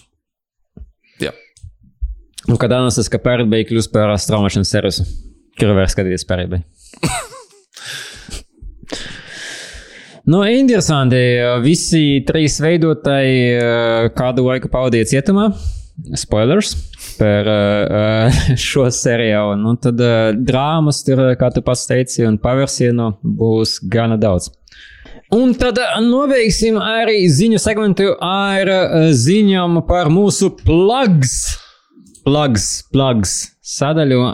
Un vispār jāsāk ar to, ka mēs visu laiku aicinām cilvēkus atstāt mums recenzijas, teiksim, uz Apple podkāstu, bet mēs nevienu reizi neesam nosaukuši tās visas atsauksmes, kuras mēs esam saņēmuši. Un ir ļoti patīkami atvērt Apple podkāstu un uh, saredzēt uh, jūsu, jūsu komentārus. Un es gribētu arī varbūt uh, mūsu ego drusku uzbustot un izlasīt trīs, kurus mēs esam saņēmuši šogad. No Aivai mēs esam saņēmuši recenziju. Vienmēr gaidu, vienmēr noklausos, pat tad, ja ir sasodīti garši. Ko nozīmē pat tad, ja es esmu augsts, ka mēs vienmēr esam sasodīti gari. Runājam, teiksim, šī podkāstu direktora skatījums dzirdēsiet pateicoties Tom Celenam, un viņš jau būs samazināts pa kādu stundu, vai ne? No, no, no uh, versijas, kuras mēs oriģināli uzrakstījām. Jo tur, laik, stundas monologs vismaz bija no Sergeja par Marku Wolbergu. Uh, no Molotanova mūsu arī patrona.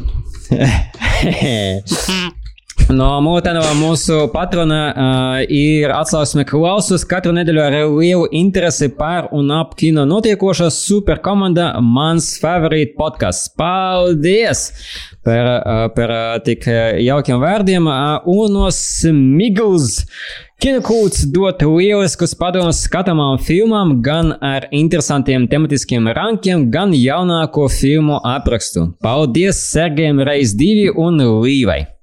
No, un tran. paldies arī un... jums! Andrēs Cīts. Šīs nedēļas rekomendācijas. Volberga Cage un Sandora filmogrāfija, obviously. Nu, un paldies, ka jau mēs pateicām mūsu patroniem. Patroni atbalsta mums ne tikai šo podkāstu, bet vispār kinokūta projektu kopumā. Un savukārt mēs patroniem piedāvājam iknedēļas zinesi, piedāvājam iekšējo čatu, kur apspriežam jaunākas filmas redzētas vai filmas, kuras mēs tikai taisamies skatīties. Un viena no tādām filmām, kuras mē, kuru mēs vēl nenosāksim vārdu, bet kuru mēs varam pateikt, ka mēs skatīsimies 10. decembrī īpašajā sēnesē tikai patroniem. Par to uh, varēs uh, sīkāk izstāstīt uh, Sergejs. Es uh, par to varēšu sīkāk izstāstīt pirms šīs seanses. 10. decembrī. Jā, klātienē. Nu, Tā kā absolūti. Tāpēc jūs zināt, ka mums patīk tādas lietas. un Es ceru, ka jums arī patīk tādas lietas. Kino pārsteigumi ir visforšākie. Nedomāju, kāds būs vīlies par šo filmu, bet neko īsti neteikšu. Nekādas hintus mēs arī nedosim jums. Uh, respektīvi, jums, uh, mūsu patroni, jo šoreiz tas būs tikai patronu seanss un bez pusdienas. Laikam. Nezinu, grūti pateikt. Mēs vienkārši tikko skatījāmies of Gucci. Mēs ļāvām nākt arī ņemt līdzi cilvēkus. Tas ir forši un tā. Mēs ceram, ka šie, kas noskatījās un atnāca, arī tagad būs mūsu patroni. un Tas vienkārši nebūs vairs nepieciešams kaut kādas tur tos.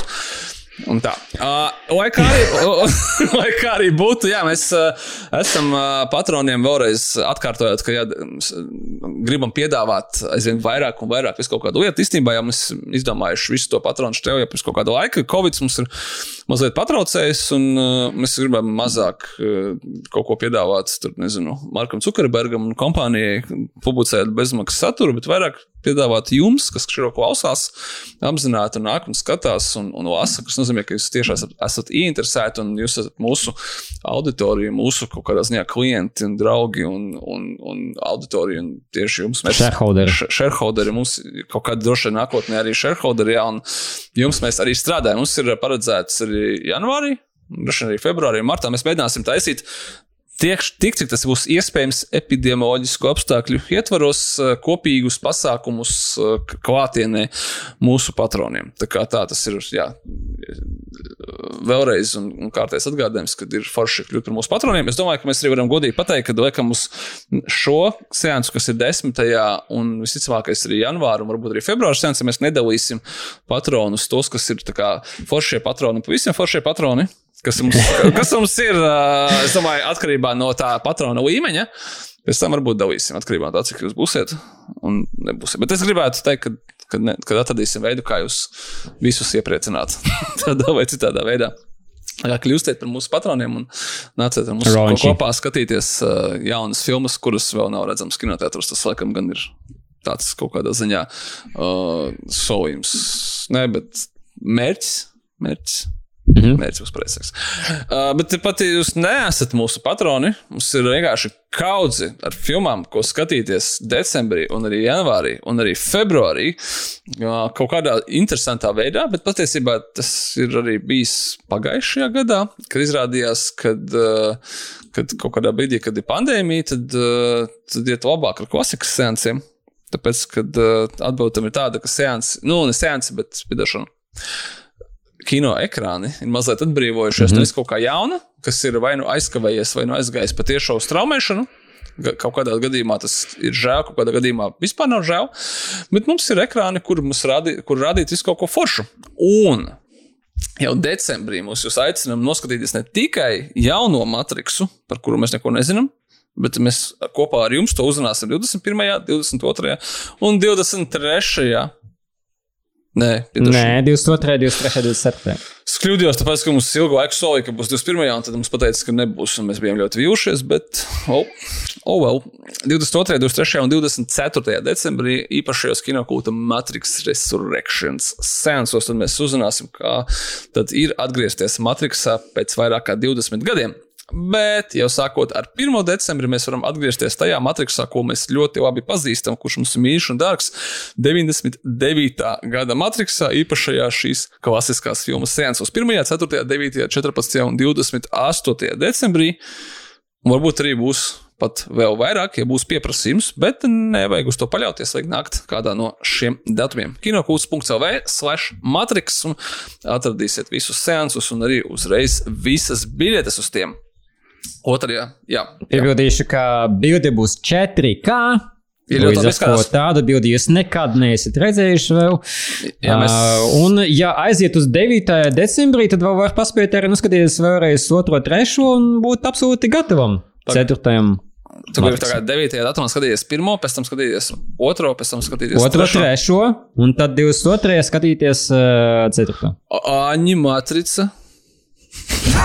Motrīs. nu, labi, gan jau paspēs arī to. Tas svarīgi, ja visi ir completationists, tad completationists. Jā. Tad arī animatriksu, ko prāt. Tro, tro, tro. varētu noskatīties. Nu, ā, bez tā otrajā. Decembrī tikai vienā seansā. Es domāju, ka ar to mums absolūti pietiks. Resident Evil, Welcome to Raccoon City. Mēs visi labi zinām, kā ir ar video spēļu ekranizācijām, bet, come on, Resident Evil nu, ir jāredz, ko tad tur viņi būs uztaisījuši. Viņiem bija sešas filmas, viņiem bija trīs vai piecas filmas, animācijas filmas, divi seriāli. Dafīgā viss kaut kas vēl ir bijis. Un tagad ir nospiesta poga restarts un mēģinās vēlreiz no sākuma, bet ar citiem aktieriem. Un tā kā autentiskāk video spēlē nekā Pols Andersons un Milo Joviču. Zini, kā mm -hmm. ir filmas, kuras ir labas, ir filmas, kas ir sliktas, bet ir filmas tādas, ka. Evo, nu, bet jānoskatās, kā tas tur īsti ir. Un mēs būsim godīgi, spējam atpazīt, kuras ir kuras filmas. Un šī ir viena no tām, kur nu, neviens negaida, ka šī būs Oskar, Oskara nominētā filma. Bet, I mean, ja tu esi spēles fans, ja tu esi iepriekšējais Resident Evil fans, tad tā, tu gribi zināt, kas tur būs. Un, ja jūs tiešām gribat zināt, kā tur būs, pat ja jūs zināt, ka visticamākais tas nebūs tas baigi rīž, tad kur no labāk? tu- Lower your Nu, expectations. tad, jā. uh, ja, ja vispār ir ideja par to, kā tur nu, ka gribās zināt, tad skaidrs, ka tas ir jāizdara kinokūta sensā, nevis kaut kādā parastajā sensā. Nu, tas kā man šeit ir skaidrs, ka ja vispār mm, ir. Es, es zinu, ka es gribu zināt, kā tur ir. Es redzu pēc jūsu sejām, ka jūs, jums nerūp īpaši tas. Nu, Nu, kad tu pateici, ka tajā filmā The Return to Ra Raccoon City nebūs Raccoons, tad man uh, kaida nokrita vēl. Mēs nezinām, Nu, mēs jā, nezinām, vai tur nebūs Tu domā, ka rakūns. Zombija rakūna. Kā Zombīvers atceries. Zombīvers. Nu, labi, viss ir kārtībā. Resident Evil so ir skatītājs arī šai, šam, šim kino. Un, mm -hmm. un es esmu viens no viņiem un aicinu arī jūs piebiedroties. Pirms tam uh, uzrunāsim visu, visu, ko var uzzināt par Resident Evil iepriekšējām filmām, adekvātā laika posmā pirms sēnes. Mm -hmm. Kas mums vēl? Spider-Man No Way Home, bet Yes Way mūsu sēnesam 15. un 16. decembrī. Vienkārši tāpēc, ka uh, ir tas pieprasījums tikko jau uz biļetēm, ka vienā sēnesā jūs visi nesalīdīsiet. Un darīja pareizi. Režisors Džons Vots mums sola kā minimums Avengers Endgame līmeņa kino notikumu MCU pasaulē, bet patiesībā jau var būt, pat vēl vairāk nekā Avengers Endgame. Tāpēc, kad uh, dimensijas, multivers. Mēs, mums nav, mēs vairs neesam ierobežoti ar tikai varoņiem MCU pasaulē. Tur uh, tik trakas baumas par šo filmu iet, kad, uh, kad wow, jā, nu, mēs viņus visus ar jums uzrunāsim jau 15. pašā pirmajā vakarā, nekā, nekā citur. Tā kā nāciet, biļetes būs pieejamas no 29. novembra. Un uh, vēl decembrī visu laiku labākā Ziemassvētku filma, kas nav Home Alone. Bet kas ir cietais raksts? Mēs esam skatījušies Schwarzeneggeru uz Ziemassvētkiem, bet dosim pauzi uz kādu brīdi un noskatīsimies vienīgo neatkārtojamo klasisko 1988. gada cieto rakstu ar Brusu Vilnisu, tādu, kādu mēs viņu mīlam un atceramies. Mūsu iemīļotā Džona Makveina uz lielā ekrāna atkal jau remasterētā versijā, nu kāda tas ir. Bet, uh, lai cik mēs nebūtu redzējuši cieto rakstu, visticamākais neviens no mums viņu nav redzējis lielā ekrāna. Nu, es taču neesmu. Thinking. Varbūt hmm. kaut kur ārzemēs kāds tas Nu, bijis. varbūt. Jā, es tagad uh, mēģinu galvā uh, izkrojot visus ārzemes sensus. Laikam nē, laikam nav redzēts. Es domāju, ka tas tāds ir single-long, quote-along sēns, mm -hmm. kur mēs visi, visi zinām no galvas. Un kas pats labākais, tas nav viens sēns, tie ir vairāk, vai jūs varat paspēt un ieplānot to visu ap savām Ziemassvētku aktivitātēm 18, 25, 29 decembrī un pat 8. janvārī. Būs iespēja noskatīties to riekstu uz lielā ekrāna. Un tad gaidām, jā, Man Ziemassvētki jau saplānota tā, ka man 24. būs Matrix 4, 25. būs Die Hard. brīnišķīgi, kad tev būs Home Alone Nu, laikam pēc tam mēs jau neradīsim. un vēl Kiss Bang Bang. Labākā Ziemassvētku filma. Numur 3. Tu tikko pateici, ka Die Hard ir labākais Ziemassvētku filma. Visas labākās Ziemassvētku filmas. Janvārī skatīsimies filmu Akira, leģendārais 88. gada mm -hmm. arī anime. Beidzot uz lielā ekrāna. Nu, tur ir arī remasterētā 4K kopija. Mēs viņu notestējām. Viņš izskatās vienkārši tā, ka wow! Un uh, tas ir kaut kas tāds, ko mēs ļoti ilgi gribējām parādīt uz lielā ekrāna. Un visiem tiem, kam patīk anime, visiem tiem, kam patīk cyberpunk, fantastiskas filmas, komiks filmas un pārējais. uh, Tāpēc, ka tas viss ir iedvesmojies no Akiras. Protams, 14. un 15 janvārī seansi aizsens auditorijā Kino Citadela, bet, protams, kur tad vēl citur šo filmu skatīties, ja ne tur. Biļets būs pieejams. Un maza, maza piebilde arī šeit, ka ja nu mums kāds klausās no Igaunijas un Lietuvas, Tad arī uz turieni mēs aizsūtījām Akiro, un tur savukārt var noskatīties uh, Farm Cinema kinoteātros janvārī. Pareizi? Un, un Lietuvā jau man šeit decembrī. Ah, okay. Tā kā sekojot līdzi repertuāram, Forum Cinemas Lietuvā un Igaunijā, tur varēs noskatīties arī Akiru. Nu, lūk, un tad jau februārī būs klāt Ground, Groundhog Day uz liela ekrāna. Kā jau katru gadu. Kā jau katru gadu. 2. februārī 5. februārī mm -hmm. pārceltais V for Vendetta. 11. martā Džekija Brauna. Mums ir jāpabeidz tas Tarantino uz liela ekrāna, kamēr viņš nav uzfilmējis savu desmito mm -hmm. filmu. mm -hmm. Un 20. aprīlī mēs parādīsim Big Lebowski. Mēs esam jau rādījuši vienreiz viņu, bet nav neviena iemesla, kāpēc mēs to nevarētu izdarīt vēlreiz. Yeah, well, you know, that's just like uh, your opinion, man. Nu, kamēr es esmu ārpus Latvijas, tad uh, tikmēr skatos uh, seriālus un 90. gadu filmas, par kuriem es laikam izstāstīšu vēl drusku vēlāk, jo 90. gadi man vēl nav beigušies kā apkopojums. Pagaidām es skatos nevis tā pirmā ranga, visas romantiskas komēdijas no 90. jo tie tās jau redzētas, bet tā otrā ranga, un tur viss kaut kas tāds. Eh, īpaši interesants, bet kaut kādi tādi gems arī var atrast, un par tiem es izstāstīšu drusku vēlāk. Bet es noskatījos līdz beigām Morning Show. Otro sezonu, un, un gribētu izstāstīt drusku par to. Tiem, kas nezina, Morning Show ir Apple TV Plus seriāls par populāro rīta ziņu raidījumu, kurus, kuru 50 gadus vada Aleksa. Viņu spēlē Jennifer Anistone uh, un Mičs, kuru spēlē Steve's Karels. Un abi divi spēlē pret savu sitkomu tipu, jeb ļoti dramatiskas lomas, daudz kliekšanas, un vispār šovs sākas ar apsūdzībām Miča virzienā par seksuāliem pārkāpumiem. Un līdz ar to pirmā sezona ir par Aleks, kas mēģina noturēt savu darbu par šī rīta šova vadību, kas menedžē krīzi un grib Aleksu aizvietot, un par jauno spunky žurnālistu Bredliju, kuru spēlē Rīza Viters. Witherspoon, un kura tagad vada šovu kopā ar Aleksu. Es teiktu, ka, un uh, Moskais arī minēja podkāstā, ka pats pirmā, pirmās sezonas sākums drusku piekliboja un prasīja kādas četras epizodes, lai iejusties tajā ritmā un tajā kliekšanas mačā.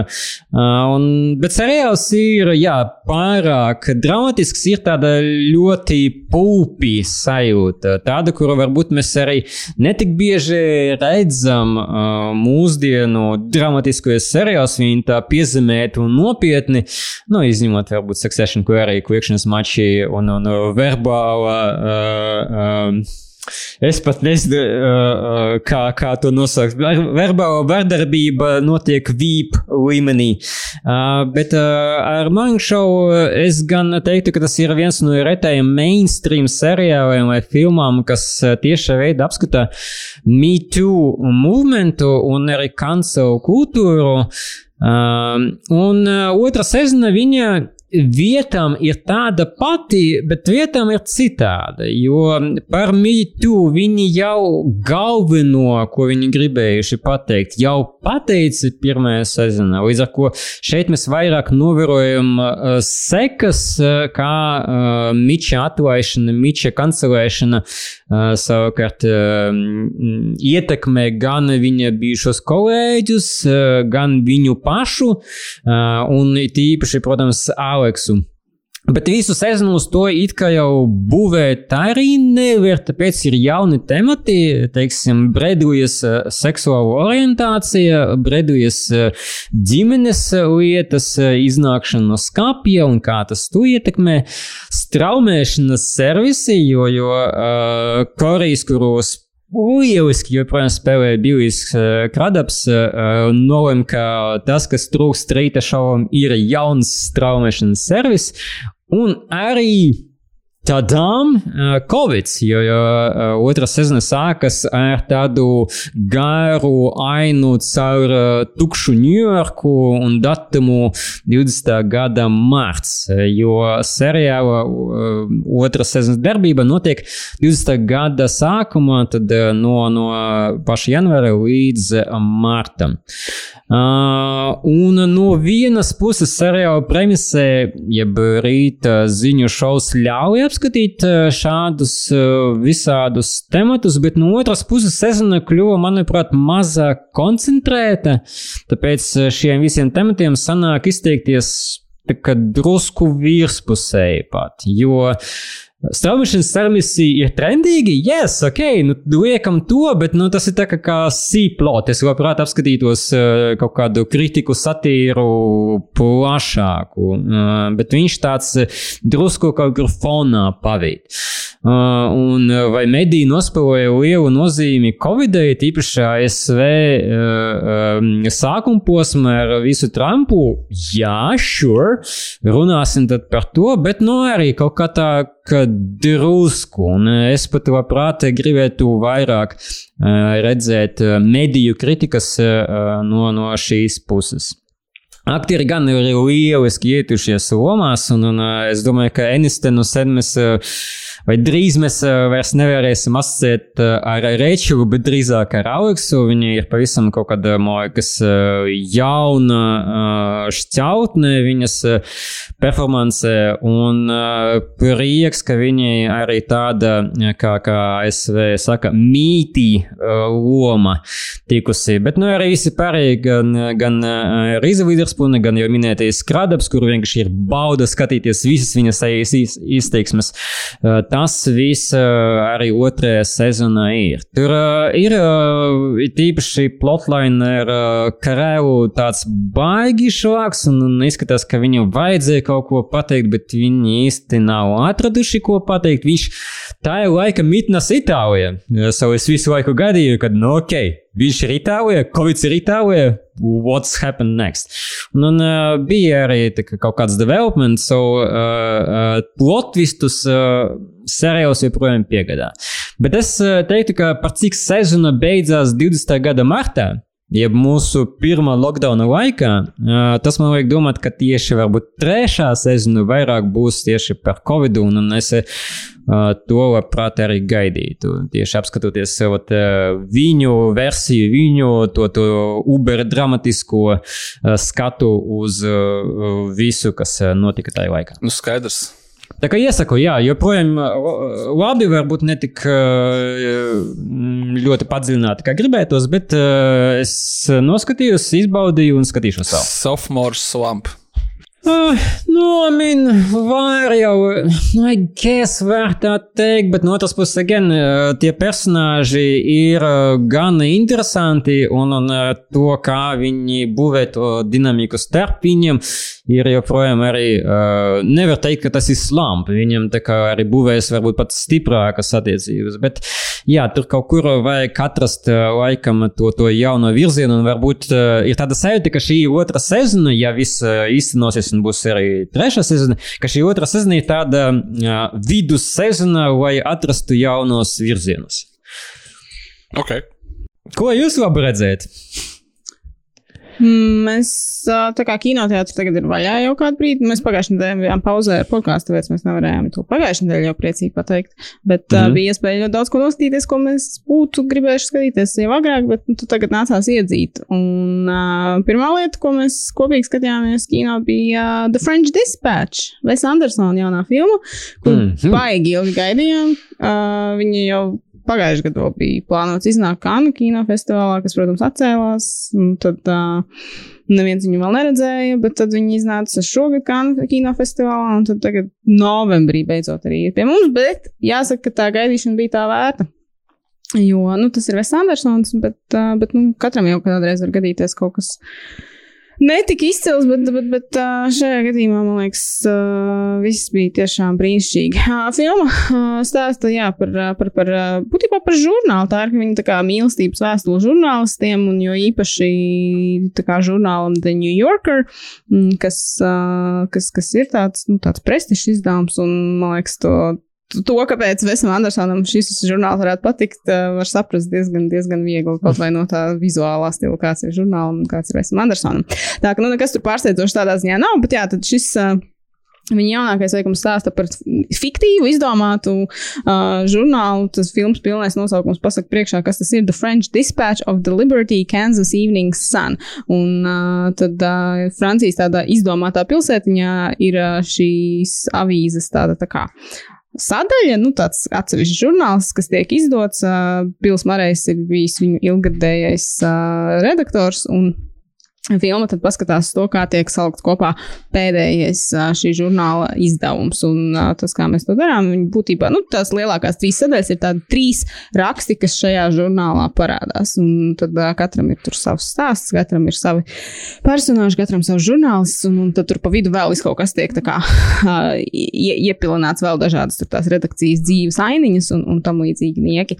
Un, nu, šāds formāts nozīmē, ka tur ir nu, tik daudz aktieru, kā es nezinu, vai Andersonam iepriekš ir bijis. Laikam būs vēl vairāk viņa nākamajā filmā, tajā Asteroid mm -hmm. City, bet nu, te jau tā, tā, tā buķete ir nu, tāda, ka pilnīgi acis to visu nevar aptvert. Tu, viņi tur parādās, un tāds, ah, pareizi, viņš taču arī te ir, un viņa te ir, un vēl, ah, kas par šito aktieru vispār bija aizmirstis. Nu, tur tā kā pilnīgi ārprātā ir. Uh, bet, nu, viņa ir tāda ļoti, ļoti Vesa Andersonīga filma. Es domāju, nu, ka tur kā, viņš ir kā, uzgriezis sevi uz kaut kādu vispārāko pakāpi. Eleven. Jā, un uh, es domāju, ka viņi noteikti ir jāstāsta vēlreiz, jo tajā pirmajā reizē tu nespēji mm. visas tās detaļas nemaz iesūkt iekšā, pamanīt, un, un ka tur būs atklāt ko vēl un vēl un vēl. Bet tā, tāds ļoti tipiskais viņam, viegli tāds ironiskais, drusku nostalģiskais stiliņš. Mūzika fantastiska. Aleksandrs Desplāka viņam ir pacenties un, un piepalīdzējis.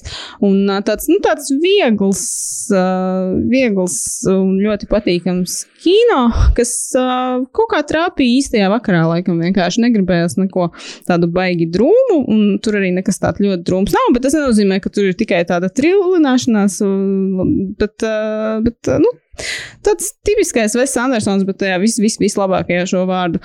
Uh, nozīmē. Uh, varbūt pat drusku pārāk Ves Andersonīgs tiem, kam viņš netik ļoti pie sirds iet. Nu, kad, kā, ja tu neesi ar viņu tādās ļoti labās attiecībās, tad nu, šis būs vienkārši tā kā pārdozēšana ar viņa tādā, tādā, tādiem kaut kādiem trīs. Nu, tieši tā, tā kā stils, jā, tad, tad viņa tas stilistiskais manieriskums, nu, te būs nu, tādā dozā, ka nu, var būt grūti. Bet, ja Andersons iet pie sirds, tad man liekas, ka, ka vajadzētu visam tīri labi strādāt. Tur, protams, šis formāts, tā kā nu, viņi sastāv no tiem tādiem trim trim lieliem stāstiem, tad uzreiz gribas viņus tā kā likt. Nu, secībā, kurš ir veiksmīgāks, kurš nē, tur varētu strīdēties. Droši vien katram noteikti kaut kādas savas preferences, mm. un uh, man arī viņas ir, bet, uh, bet uh, tas nenozīmē, ka, nu, ka kāds būtu slikts. Viņi visi trīs ir labi, bet tikai varbūt kāds iet pie sirds vairāk. Man, teiksim, vislabāk patīk tas Jeffrey Raida, uh, trešais stāsts, kas ir uh, filmā, bet uh, citiem atkal Timotīs Šalmē varbūt patīk labāk. Viņi tad uh, mm. sakonektēsies vairāk ar viņu un Francis McDormand stāstu. Uh, pirmais arī ļoti brīnišķīgs par, par, par uh, mākslas pasauli, tāda satīra. Uh, mm -hmm viens braudīs, tur tāds mākslas dīlers un viss kaut kas interesants.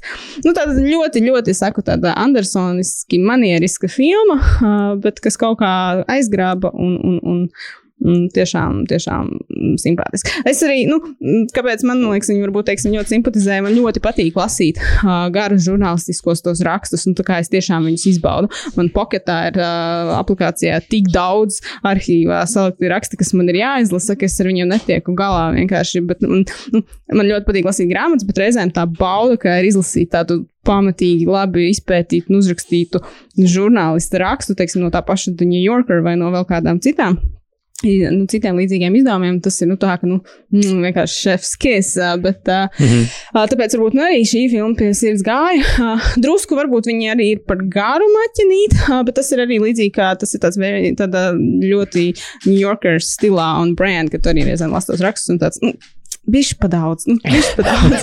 Tā ka tas varbūt vienkārši pieder pie lietas. Bet kopumā es, es ļoti, ļoti iesaku, jā, nu, man liekas, ja Vesas Andersona fani uh, vēl nav redzējuši, tad, nu, ko jūs vēl gaidāt, bet es domāju, ka jūs jau noteikti paspējat vai atnāks mūsu sēns vai uz kādu citu, ka, ka, nu, ka tur vispār nav divu domu.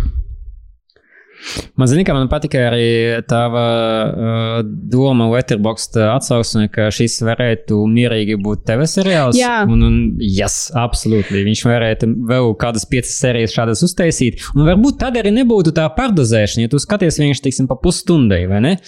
To, to vienu sēriju, un tad ceries kaut nākamajo, nākamajo, nākamajo. Jā, tā, tā, tā, kā, tā kā tāda antoloģija, kur, kur, kur katrs, tā kā, mm. -hmm. katra sērija būtu, teiksim, tas viens tas raksts ilustrēts. Un tad, uh, kāpēc nē? Es, es noteikti skatītos. Es, protams, negribu salīdzināt to, bet uh, vai tā nebija tāda pati ideja Amazonam, ka viņi aizgāja pie Vudija Alena un teica, tu vari uztaisīt to pašu, ko tu jau anyway dari, bet tikai seriāla formātā. Un tad viņš uztaisīja, un ne viņš bija priecīgs, ne Amazons bija priecīgs. Un viņš, to, un sapa, tu, tomēr kaut kas strādā kā filma un kaut kas strādā kā seriāls. Nē, nu, protams, jā, tad, tad teiksim, varbūt seriāli. Kaut kā nē, es domāju, ka tur arī varētu, teiksim, to, nu, to, to tādu konektējošo materiālu arī salikt iekšā. Jo šeit arī, nu, tā burvība ir ne tikai tajos pašos stāstos, bet arī tur tajos pa vidu momentos, kad tu teici, nu, ka tu redzi tur to redakcijas dzīvi, kur tad uh, Bils mm. Marais, kā tas galvenais redaktors, tur dod tos padomus, un tur bija ļoti arī brīnišķīgi citāti, ka tiem, kas paši kādreiz kaut ko raksta, ko, ko, ko, ko, ko ņem vērā.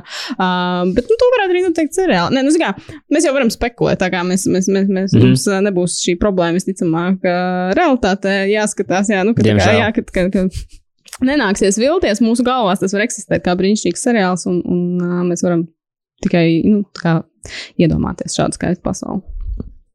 Bet, zini, kā tas, ko tu tieši arī mini par to visu aktieru klāstu, kas ir šajā filmā, ka varbūt ā, Andersons arī pats saprota, pagaidi, bāc, man ir tik daudz aktieru, kā es varu tos visus apvienot. Ah, jātaisa antoloģija, un tad katram būs savs stāsts, katram būs sava maza lomiņa, un, un tiešām prieks ā, visus redzēt. Nu, visas detaļas mēs noteikti nevaram pārmest Andersonam par to, ka viņš ir neprecīzs detaļās, un te ir detaļu daudz, daudz, daudz, tāpēc man arī ir vēlme noskatīties to, to vēl. Nu, tur brīžiem bija pilnīgi likās tā, ka es gribu uzspiest pauzi, lai es varu paskatīties, mm Mhm. -hmm. kas tur stūrī bija kaut kāda detaļa vai kaut kas tur vēl, jo tur, teiksim, ir tāds uh, viens tas Owen Wilsons segments, tas nav daļa no tiem, tiem trim stāstiem, bet viņam tāds atsevišķs moments ir, un viņš tur tā skrien cauri kaut kādiem momentiem, un tu pilnīgi nespēji, tu jūti, ka tā kā tu netiec gandrīz līdzi, tu smejies vēl par to iepriekšējo, bet tur noteikti kaut kas smieklīgs bija vēl pēc tam, un tā, tā kā, ka es saku, jāskatās vēlreiz, un, un, un jāmēģina uzķert tās lietas, kas, kas pirmajā reizē uh, paslīdēja drusku varbūt pat garām. Man tā dažreiz gadās ar uh, animācijas sērijām, un, teiksim, Rick and Morty ļoti bieži Jā. gribas iepazīt visus uh, background jokus izlasīt, bet filmās tā, nu, ir retāk, bet, nu, laikam ar Andersonu tas ir atsevišķs case. Mm. Un tā kā ļoti, ļoti rekomendēju, man kaut kā tiešām gāja pie sirds. Un es kaut kā pat negaidīju, laikam, jā, ka man tik ļoti patiks, un tas vienmēr ir labāk nekā otrādi. Hmm. Kas mhm. notika ar kaut ko citu? Anything more? Mēs esam piesaukuši tas visus akcentus. No, no filmas Eternals vai no, no ar kuriem akcentiem jūs gribat sākt? Ar Eternals vai House of Gucci? Sāksim, sāksim ar Eternals. Chronoloģiski. sa- sanāks kino. Jā, mēs beidzot noskatījāmies arī. Vienmēr, vis, tagad visām šīm filmām būs jāliek priekšā. Mēs jau sen gaidījām, tāpēc, ka Eternals arī bija sākotnēji 2020. gada filma. Un tagad ir 21. gada filma, un tad vai mēs iepaunējam seansu un pārsēlām seansu, bet labi, tas viss ir, kā saka, pagātne, Water Under the Bridge, un uh, Eternals beidzot ir klāt, un uh, es nezinu, nu, mm, ā, mēs Sergejam uz Ato izslēgsim no šīs sarunas, ja viņš Nē, nav nu, redzējis. domāju, mēs varam bez spoileriem. Ā, nē, nē, protams, tas, tas jā, bet. ā, Kā, Nu, drusku paspot jūs varat. Es, nu, es nedomāju, ka bet tur ir baigi, bet vajadzīgi. Nē, es, es varēšu čīkstēt arī bez spoileriem. Man bija ļoti liela skepse par šo filmu. Uh, daudzu iemeslu dēļ, un tā skepse bija pirmkārt, uh, man likās, ka. Uh, Es nezinu, nē, ok, labi, tas tā kā, tipa, jauni, neinteresanti varoņi, bet mēs jau nezinām, viņi ir neinteresanti, bet tā kā nepazīstami varoņi. Nu, Es varbūt, varbūt pat mazāk, bet ok, skaidrs, ka tas, ka tik daudz jaunu varoņu vienā filmā, tad, tad bija tāds sajūta, ka mūs mēģinās tagad vienkārši aizvietot kaut kādus uh, esošos, nevis esošos, bet aizgājušos ar jaunajiem, nu, tā merkantīvā nozīmē. Tad man bija lielas bažas par to, vai paņemot Hoju Žau, kas ir noteikti mākslas kino režisoru, viņu vienkārši nu, neapēdīs uh, tā Marvel Disney mašīna. Pēc Shang-Chi man bija pilnīga sajūta, ka kā it's game over, tā kā viņu apēdīs, tāpēc, kad uh, to Dustinu Danielu Kretonu apēda vienkārši bez sāls, vis, visu, kas viņam bija oriģināls, manuprāt, viņam izņēma ārā un jau, nu, respektīvi, kad, kad tas slikt, sliktais case, kur paņem talantīgu, neatkarīgā kino režisoru. Un visbeidzot, tas noskat, pēc trailera, kurus redzēju gan tikai to pirmo, Es speciāli neskatījos, man liekas, ka tas kaut kā viss izskatās ļoti tā bland. Un līdz ar to es tā gāju no tā domu, ka, oi, oi, vēl, un man actually ļoti patika. Man liekas, ka uh, man galvenās bažas neataisnojās. Vis, man par vislielāko prieku tādu, kad uh, Hoja Žau izrādījās tāda ļoti stingra sieviete un absolūti ne, nu, nepārbrauc ne pāri asfaltam rūsas ar Marvel un Disneju. Viņa tiešām uztaisīja tādu filmu. Visticamāk, tas ir tā, tā kā vairāk nomadulēni tikai ar Marvel varoņiem nekā otrādi. Un, uh, un viss tur ir saglabājies, tas viņas stils, un viņai tiešām iedeva iespēju uztaisīt to filmu, kā viņa grib. Lai gan, protams, tur ir nu, Marvel humors, nosauks viņu tā. Kā, kas dažreiz rada tādus um, savādus sajūtu kopumā, kad, skaties vienu filmu, kurā ir momenti no citām filmām klāt. Uh, tie varoņi viss ir kārtībā, viņi ir interesanti. Un pats galvenais nav, nu, ne, okay, tas nav pats galvenais, tas ir tikai tāds teiciens, ko es izmantoju vietā un nevietā. Uh, tas, ka uh, nav sajūta, ka viņi ir forced šie varoņi tev virsū. Nu, ka tā, mēs tagad, jums patīk Ironmans, tagad jums būs šitais, tagad jāmīl jaunais varonis. Un uh, es visvairāk baidos uh, šādos stāstos no retkoniem. Man ļoti nepatīk, ka, jūs baidē vai zinājāt, ka Eternals bija klāt pie visiem notikumiem tikai kaut kādu idiotiska vai mazāk idiotiska iemesla dēļ viņi neiesaistījās, bet nu, viņi tur pataiz durvīm stāvēja un bija tā kā līdzīgi kā Fast and Furious. Tais, te, es visu laiku biju uz telefona ar brāli, bet tā kā principā aizskadrā mēs ar viņu SMS-ējamies. Un uh, man ļoti patīk tas, ka šajā filmā tas nav. Un ir atrasts, manuprāt, ļoti leģitīvs attaisnojums, kāpēc viņi ir eksistējuši. Un īstenībā, ja šī filma būtu pilnīgs finansiāls disasters un, un radošs nebūtu jautājumu, ka ķipa, kā, nu, viņi neko nesabojāja. Jā, un viņi atrada ļoti, manuprāt, loģisku pamatojumu, kāpēc varēja, var arī pēc šīs filmas nebūtu vairs nevienas eternāla filmas, un tas nemainīs pasauli, tas nesalauzīs pasauli, un viss ir kārtībā. Un mēs varam izbaudīt viņu atsevišķi. Man tas laikam likās tik ļoti nepierasti eleganti. Nu, varbūt jau pēc šī pieminētā Fast and Furious momenta, kur tev vienkārši mēģina atgriezeniski kaut kādas lietas iestāstīt un sabojāt to, kas tev patika. Nu jā, Līva? Tā kā fundamentāli pretējs viedoklis. Man ir par visu, ko teikt. okay, okay. Man šī ir pirmā Marvel filma, kas, nu, tā, nu, kā, nu bija, ir bijuši daudz filmu, tā ka nu, kaut kādā brīdī tam vajadzēja notikt, bet kas man nepatika. Es tiešām skatījos un es ne, nespēju. Man, es, es, viņi man zaudēja kaut kādā brīdī, un tad Es baigi mocījos līdz pašām beigām. Pirmkārt, viņi ir ļoti garāki, bet nu, tā nav problēma, kad ir endgame ar trīs stundām. Nu, tā Jā, viņa nav gara, viņa ir stiepta, viņa ir tā kā reāli nomodelēta. Viņa ir uh, katru reizi, kad Marvel filmā, viņi ir tā kā, nu, teiksim, kaut kādā divstundīgajā Marvel filmā, ok, vai tādas, laikam, sen nav bijis divstundīgās Marvel filmas. Respektīvi, mēs esam pieraduši pie noteikta ritma, un šeit katra aina ir 30% garāka. Vienkārši Viņi skatās ilgāk viens uz otru, un tu to sajūti. Bet es saprotu, ka tas ir tas stils. Bet, bet, bet, jā, bet par to stieptumu es tev pilnīgi piekrītu. Tas tam ir jāgatavojas. Viņa ir tāda.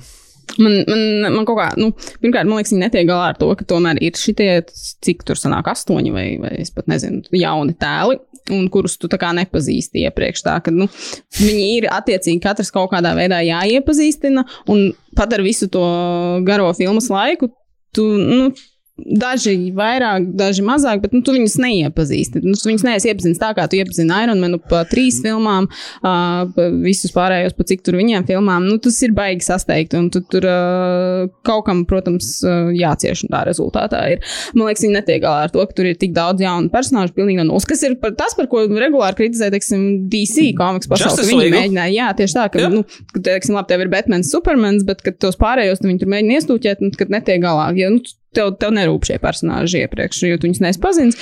Un tad uh, tas viss ir sasteigts. Man liekas, tā ir arī problēma šeit.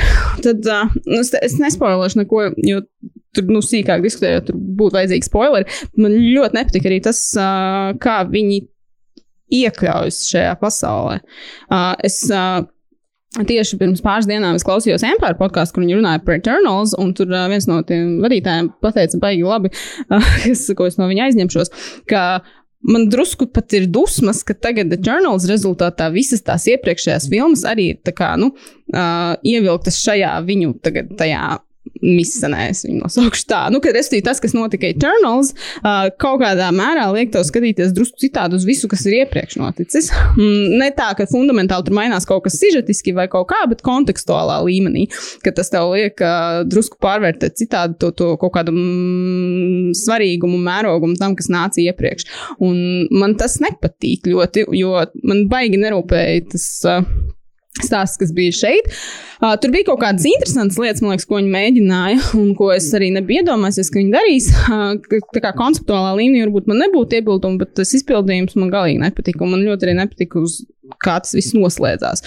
Un uh, nu, es tiešām biju baigi, baigi, baigi vīlusies, jo man bija diezgan tāda. Nu, Pieklājīgi interesi. Man liekas, ka šie ir potenciāli interesanti personāļi. Tur ir ļoti daudz jautājumu, kaut kādu iekšējo par to, kā tas viss patiesībā strādā. Un jautājums, kuriem atbildes, man liekas, nav filmā atrodams, varbūt kaut kad vēlāk, bet nu, tie ir tādi jautājumi, kas ir tā kā. Nu, Es neesmu tāds baigi prasīgs skatītājs. Es pieņemu ļoti daudz ko, ko man saka, un es tur baigi nestrīdēšu un nemeklēšu kaut kādas caurumus vai kaut kādas problēmas. Nu, kā, jā, reizēm, bet tad es to sāku darīt, tad, ja man laikam viss tas pārējais nepatīk. Un šeit man bija ļoti daudz jautājumu. Kāpēc tas ir tā? Kāpēc tas ir šitā? Nu, tā kā it doesn't make sense. Un uh, tas doesn't make sense globālā līmenī, doesn't make sense vienkārši pēc iekšējās loģikas. Un, uh, un tad, ja es par to visu laiku domāju, tad tas droši vien nav baigi labi. Tur bija arī kaut kādas uh, tādas tematiskās izvēles, kas liekas, varbūt bišķiņi tādas Jo otrs puses ir nu, žēl, ka, nu, ka, ka nācās tik ļoti vilties, jo tā filma arī dara kaut ko ļoti interesantu, kas iepriekš Marvel filmās nav bijis. Arī tādā labi pozitīvā nozīmē. Tur, teiksim, jā, ir daudz tie personāļi, bet viņi tad ir arī interesanti, viņi ir dažādi. Un, un, un, un tur nav tikai kaut kāds jauns Steve's Rogers, jauns, kapte, jauns Ironmans. Nu, tur tā kā tās personības ir tādas interesantākas. Bet, Bet nu, kaut kā tas viss galīgi nelīmējās kopā. Tur kaut kādi mēģinājumi, tur to humoru ieviest, likās nu, tādi tas sāpīgi. Bija, tas bija ļoti Jā. out of, out of place. Un, tur ir kā, mums ir gara aina filma no Arthouse režisora, un tāpēc mēs ieliksim šeit humoru, lai jūs neaizmigtu. Un, man liekas, tā kā pieci no sešiem jokiem bija jau traileros, kurus, nu, labi, tu varbūt neskatījies, tad viņus visus neredzēji. Bet, uh, Seši bet, no sešiem jokiem bija neviena personāža. Arī fakts, Kurš, jā. jā. Uh, un, un, un, nu, kaut kā man tas viss galīgi, galīgi, galīgi šoreiz nestrādāja. Nu, nav, nu, nav tā, ka tā ir tā kā sliktākā filmas pasaules, jo, nu, tomēr, nu, kaut kas tur ir interesanti, un tā ir, nu, Marvel filma, un tur, nu, nav tā, ka viņi nezina, ko viņi dara pēkšņi. Bet, uh, bet nu, man tiešām pirmo reizi nācās tā pamatīgi vilties, un jā, krietni vairāk vilties nekā, teiksim, ar to pašu Incredible Hulk, kas ir, nu, man tā filma iet zem tās šobrīd, jo, jo tā ir varbūt, nu, kaut kādā mērā slikta filma, bet tur vismaz, tur nav kaut kāda tādu globālu ambīciju, kas, kas man purgā visu citu tagad nedaudz. Uh, nu, tas nenozīmē, ka man tagad, teiksim, endgame patīk mazāk. Nē, galīgi nē, bet, uh, bet uh, zinot, kas notiek vēlāk, tad man ir tāds. Uh, un, un, un tas man kaut kā baigi nofrustrēja. Un, Un, un, un teiksim, arī atgriežoties pie tā drausmīgā personāža daudzuma, es nevaru teikt, ka tur, teiksim, varbūt tas casting ir pats labākais, jo, lai man piedod Ričards Madens, bet viņš šajā filmā nav diezko labs. nu, viņš tur tā kā, nu, tur varēja ko, būt ko pilnīgi jebkurš cilvēks. Nu, tur nav, tur, tur ir nulle personības tajā visā, un viņam tur, teiksim, man liekas, arī tur nekāda jūtu ķīmija ar to Džēmas Čansas sersei neveidojas. Nu, tur viņi ir tā kā ļoti garlaicīgs, kā kaut kāds centrālais pāris un tam līdzīgi. Nu, tur kaut kas, kaut kas, kaut kas, man liekas, tur, es nezinu, ir pazudis kaut kas. Bet viņam ir ķīmija ar Džonu Snow tur uz to 20 sekundēm, ko viņi tur dalīja ekrānā. Ja? Nu, varbūt, jā. Bet, Winter's coming. Jā. Nu, es saku, man, man kaut kā pirmo reizi tiešām, jā, un es esmu ļoti daudz ko Marvel gatava piedot un, un, un, un akceptēt, tā ka es nezinu, kur mums tagad hmm. pa ceļam nesanāca kaut kā. Nu, es pat nezinu, ko šeit vēl piebilst Nē, nu, bez, bez, Es bez domāju, ka spoileriem. piebilst tikai to, ka, ka, ka nu, bet arī tas ir tas, par ko, man liekas, liecina, teiksim, filmas uh, Rotten Tomatoes ratings, nu, ka, ka šī uh, tāda, nu, teiksim, tāda divisive filma, jo ir kam tiešām, jā, ļoti patīk kā tev, un arī, tu neesi vienīgais, no kā esmu dzirdējis, ka šī ir izdarījis kaut ko citu un kaut ko brīnišķīgu, bet, uh, bet, uh, bet ir arī diezgan spēcīga tā, tā, tā pretreakcija kaut kā šajā gadījumā, kas citās reizēs ir drusku, man liekas, klusāk. Jo katrai filmai tur ir kritizētāji, un Jā. nav tā, ka šī ir pirmā māma filma, kurai, kurai būtu kā kaut kāda pamatīgā kritika veltīta, bet, uh, bet, uh, bet te kaut kā tas konflikts, man liekas, ir trakāks. Man, es domājis, ka tev patiks. es Es, nezinu, kāpēc es bija diezgan cerēju, droši par ka man patiks, es, es vienmēr ceru, ka man patiks Marvel filmas, un līdz šim tā arī ir bijis, bet es kaut kā, es nezinu, galīgi nebiju, nebiju on board ar šito.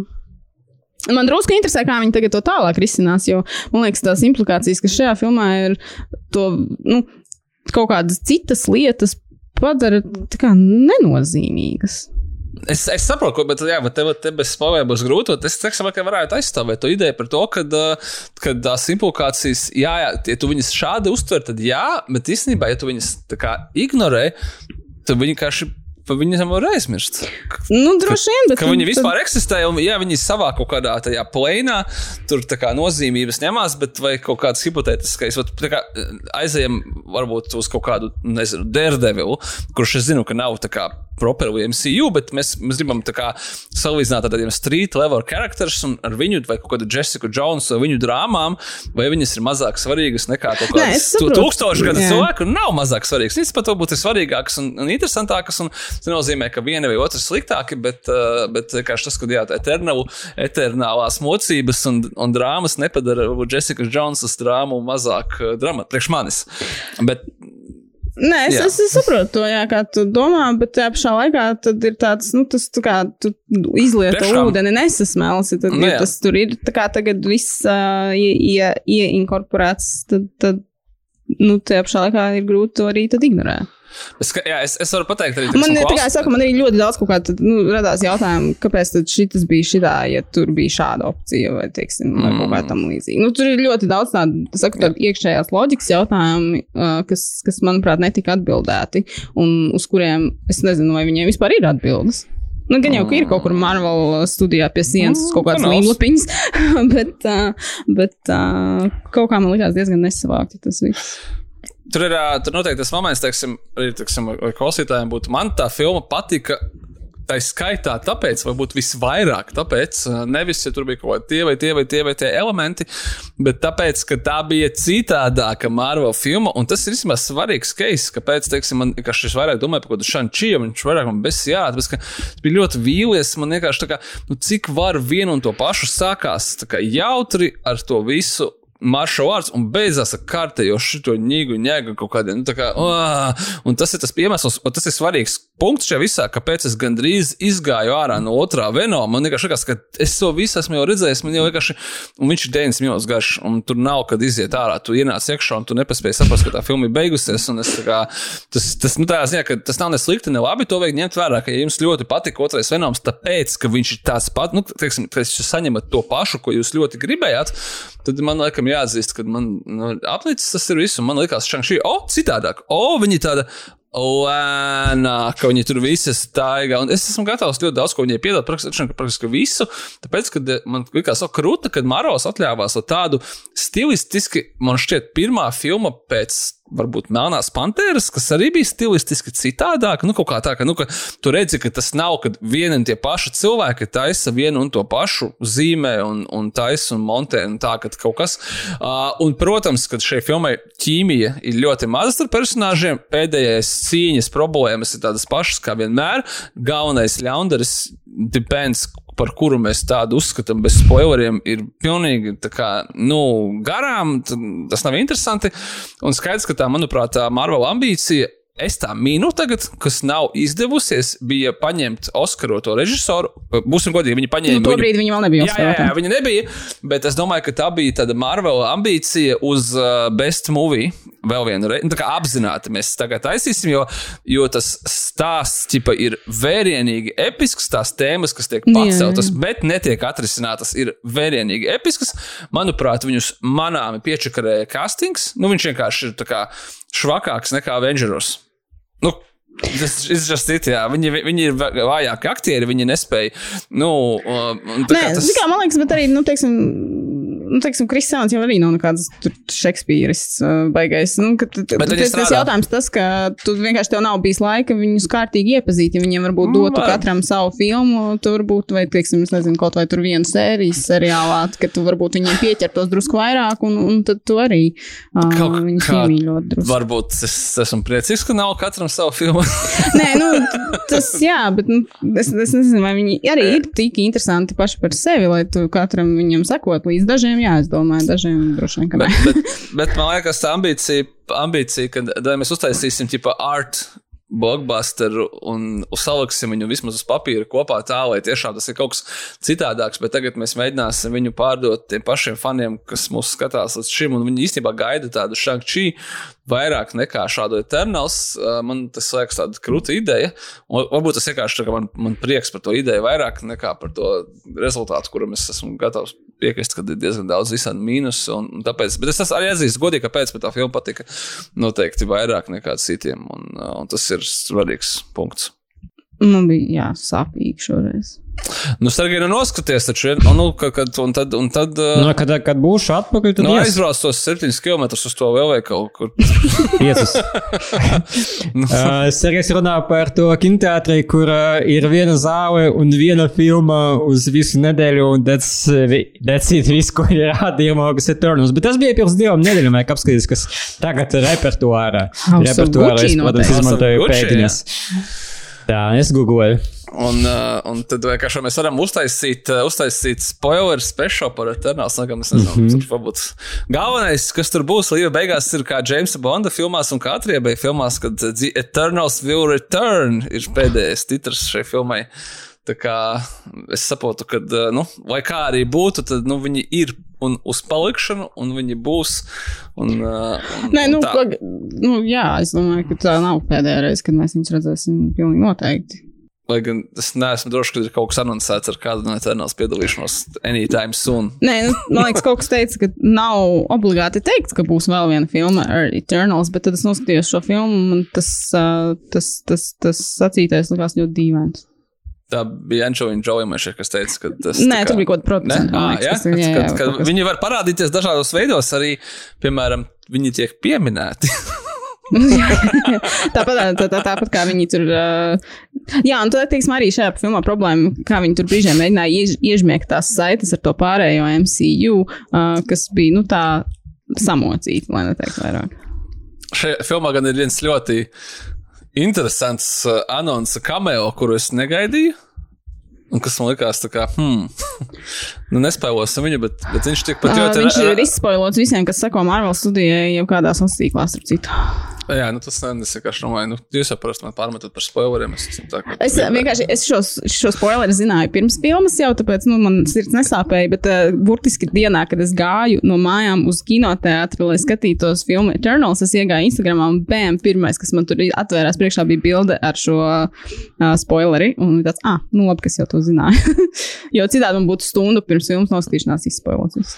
Jā. Nu, ne viss, bet nu, tieši šis elements. Dzirdējis, bet aizmirsu. Bet es neticēju viņam. Viņš pēc tam pārbaudīja, jā, nu, jā, tiešām. tiešām tas, nu, jā, bet tā zina, ka tas savādi tas, ka tas uh, ir. Uh, mēs sakām, kas tas ir. Mēs paturam. vēl. Nu, nē, nu, nesakām, nesakām. Nebūsim tā kā Marvel studio paši. Jā, jā, tas ir ļoti interesanti, kā, ka Marvel studijā paši izpojoja vēl Nē, vienu tāpēc, citu nē, no viņiem. tāpēc, ka zin, kā, viņiem bija jau divas nedēļas pagājušas kopš filmas iznākšanas, kas bija tas nu, tāds viņu pašnoteiktais Nu, teica, kad, jā, var. deadlines, kad, kā, kad jau var sākt runāt par spoileriem. Jo acīm redzot, nu, tajā brīdī tad ir kaut kāda tā kritiskā masa, kad nu, jau vairs nav jēgas izlikties, ka tur kaut kas nav, ka viss Twitter un pārējos sociāliem jau tāpatās par to runā. Nu, labi. Kas vēl mums ir jauns, ko mēs esam uztījušies uh, House of Gucci? Yes!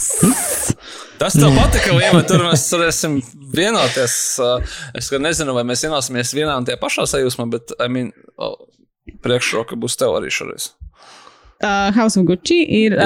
uh, otrā Ridlīs Skotta filma šogad. Viņš ļoti centīgs puisis Mhm. uh, Mhm. savos 83 gados, vai pagaidām viņam ir 84 vai 83. tagad Nē, vēl tikai 83. Nu, jebkurā gadījumā, uh, 83 gadi. Un, jā, viņš paspēja. Es atceros, ka tev bija ļoti liela skepse, ka mēs tiešām šogad skatīsimies House of Gucci. Es ka, neticēju, es domāju, ka pārcelsies. ekonomisku Nu, apsvērumu bet, dēļ. uh, bet, nu, rekā, tomēr uh, iznāca arī šogad, un turklāt baigi tuvu La- Last Duel patiesībā sanāk. Bet, nu, uh, es domāju, ka mēs esam tikai ieguvēji, jo man šīs abas filmas ārkārtīgi patika. Nu, un House of Gucci stāsta patieso stāstu par to, kā uh, tika, nu, tas nav spoilers, uh, kā tika nogalināts. Uh, Uh, Mauricio Gucci, uh, tā kā viens no šīs uh, impērijas uh, mantiniekiem, nu, būtībā gandrīz tāds pēdējais mantinieks. Viņš apprecēja uh, tādu interesantu dāmu, uh, Patriciju Reģiāni, Reģiāni, uh, un tad nu, viņiem tur pēc tam aizgāja slikti, un tad, tad, tad tas viss beidzās ar to, ko tas beidzās.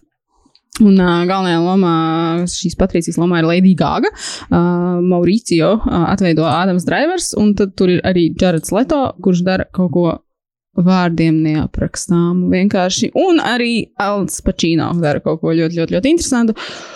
Un arī, un, un, un arī Jeremijs Irons un Selma Hayeka. Nu, tur ir vienkārši pilnīgi, pilnīgi, pilnīgi ārprāts. Tie, kas ir redzējuši traileri, es domāju, jau aptuveni nojauta to, kāds tas tonis varētu būt. Un tās cerības, ka tiešām tā filma arī būs tāda, manā gadījumā absolūti attaisnojās. Tā filma ir absolūti ārprātīga, bet tādā interesantā nozīmē. Viņa ir tāda, nu, es tā kā.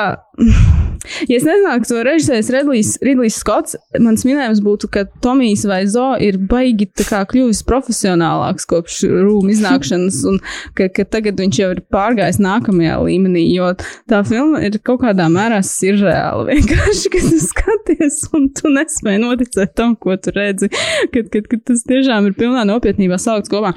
Bet, uh, Bet mēs uh, runājām pēc, tam, pēc, pēc, pēc, pēc iznākšanas no kinoteātra ar draugiem, un uh, man teica, ka, ka viņām likās, ka vajadzēja būt varbūt vēl pat tā kā campier tajā filmā, nu, ka vēl kaut kādai ekstravagantākai un vēl ārprātīgākai.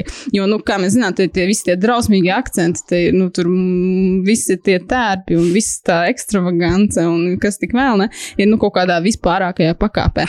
Uh, bet man kā likās, ka Skots bija tieši, man liekas, ļoti precīzi nokalibrējis to, to, to, to, to kaut kādu to campīnas un to trashiness, ka, ja tas būtu vēl vairāk, tad tas liktos gandrīz pat pārāk apzināti, ka šeit viņš kaut kā trāpīja, man liekas, tādā, es pat nezinu, kādā toņa līmenī, ka tas, tu redzi, ka tas ir ārprāts, bet tajā pašā laikā tu saproti, ka viņš tā kā neņirgājas par to visu, ka tur ir kaut kāda nopietna deva tam visam apakšā, un tad tas mikslis no tā, man liekas, sanāk tik ļoti dīvains, ka tu nevari atraut to savu skatienu no tā visa. Tā filma ir atkal drusku par garu, protams, viņa ir 2 stundas 37, kas ir nu, krietni par garu, un viņa, man liekas, zaudē drusku to enerģiju uz beigām, kas ir nu, arī varbūt drusku skumīgi, jo prasītos tieši, ka tur uz to kulmināciju viņa uzņem kaut kādu ātrumu vēl vairāk un vēl kļūst varbūt trakāka, bet viņai, man liekas, sanāk tā, ka nu, drusku tā enerģija izplēna. Bet tā, nu, tā tāda maza piebilde, jo viss, kas ir bijis pirms tam, ir, tad, nu, es saku, tas ir gandrīz vārdam neaprakstām, cik dīvaini tas ir, bet kaut kādā mērā ļoti, ļoti, ļoti baudām. Uh, kas man likās uh, interesanti arī, ka tā filma.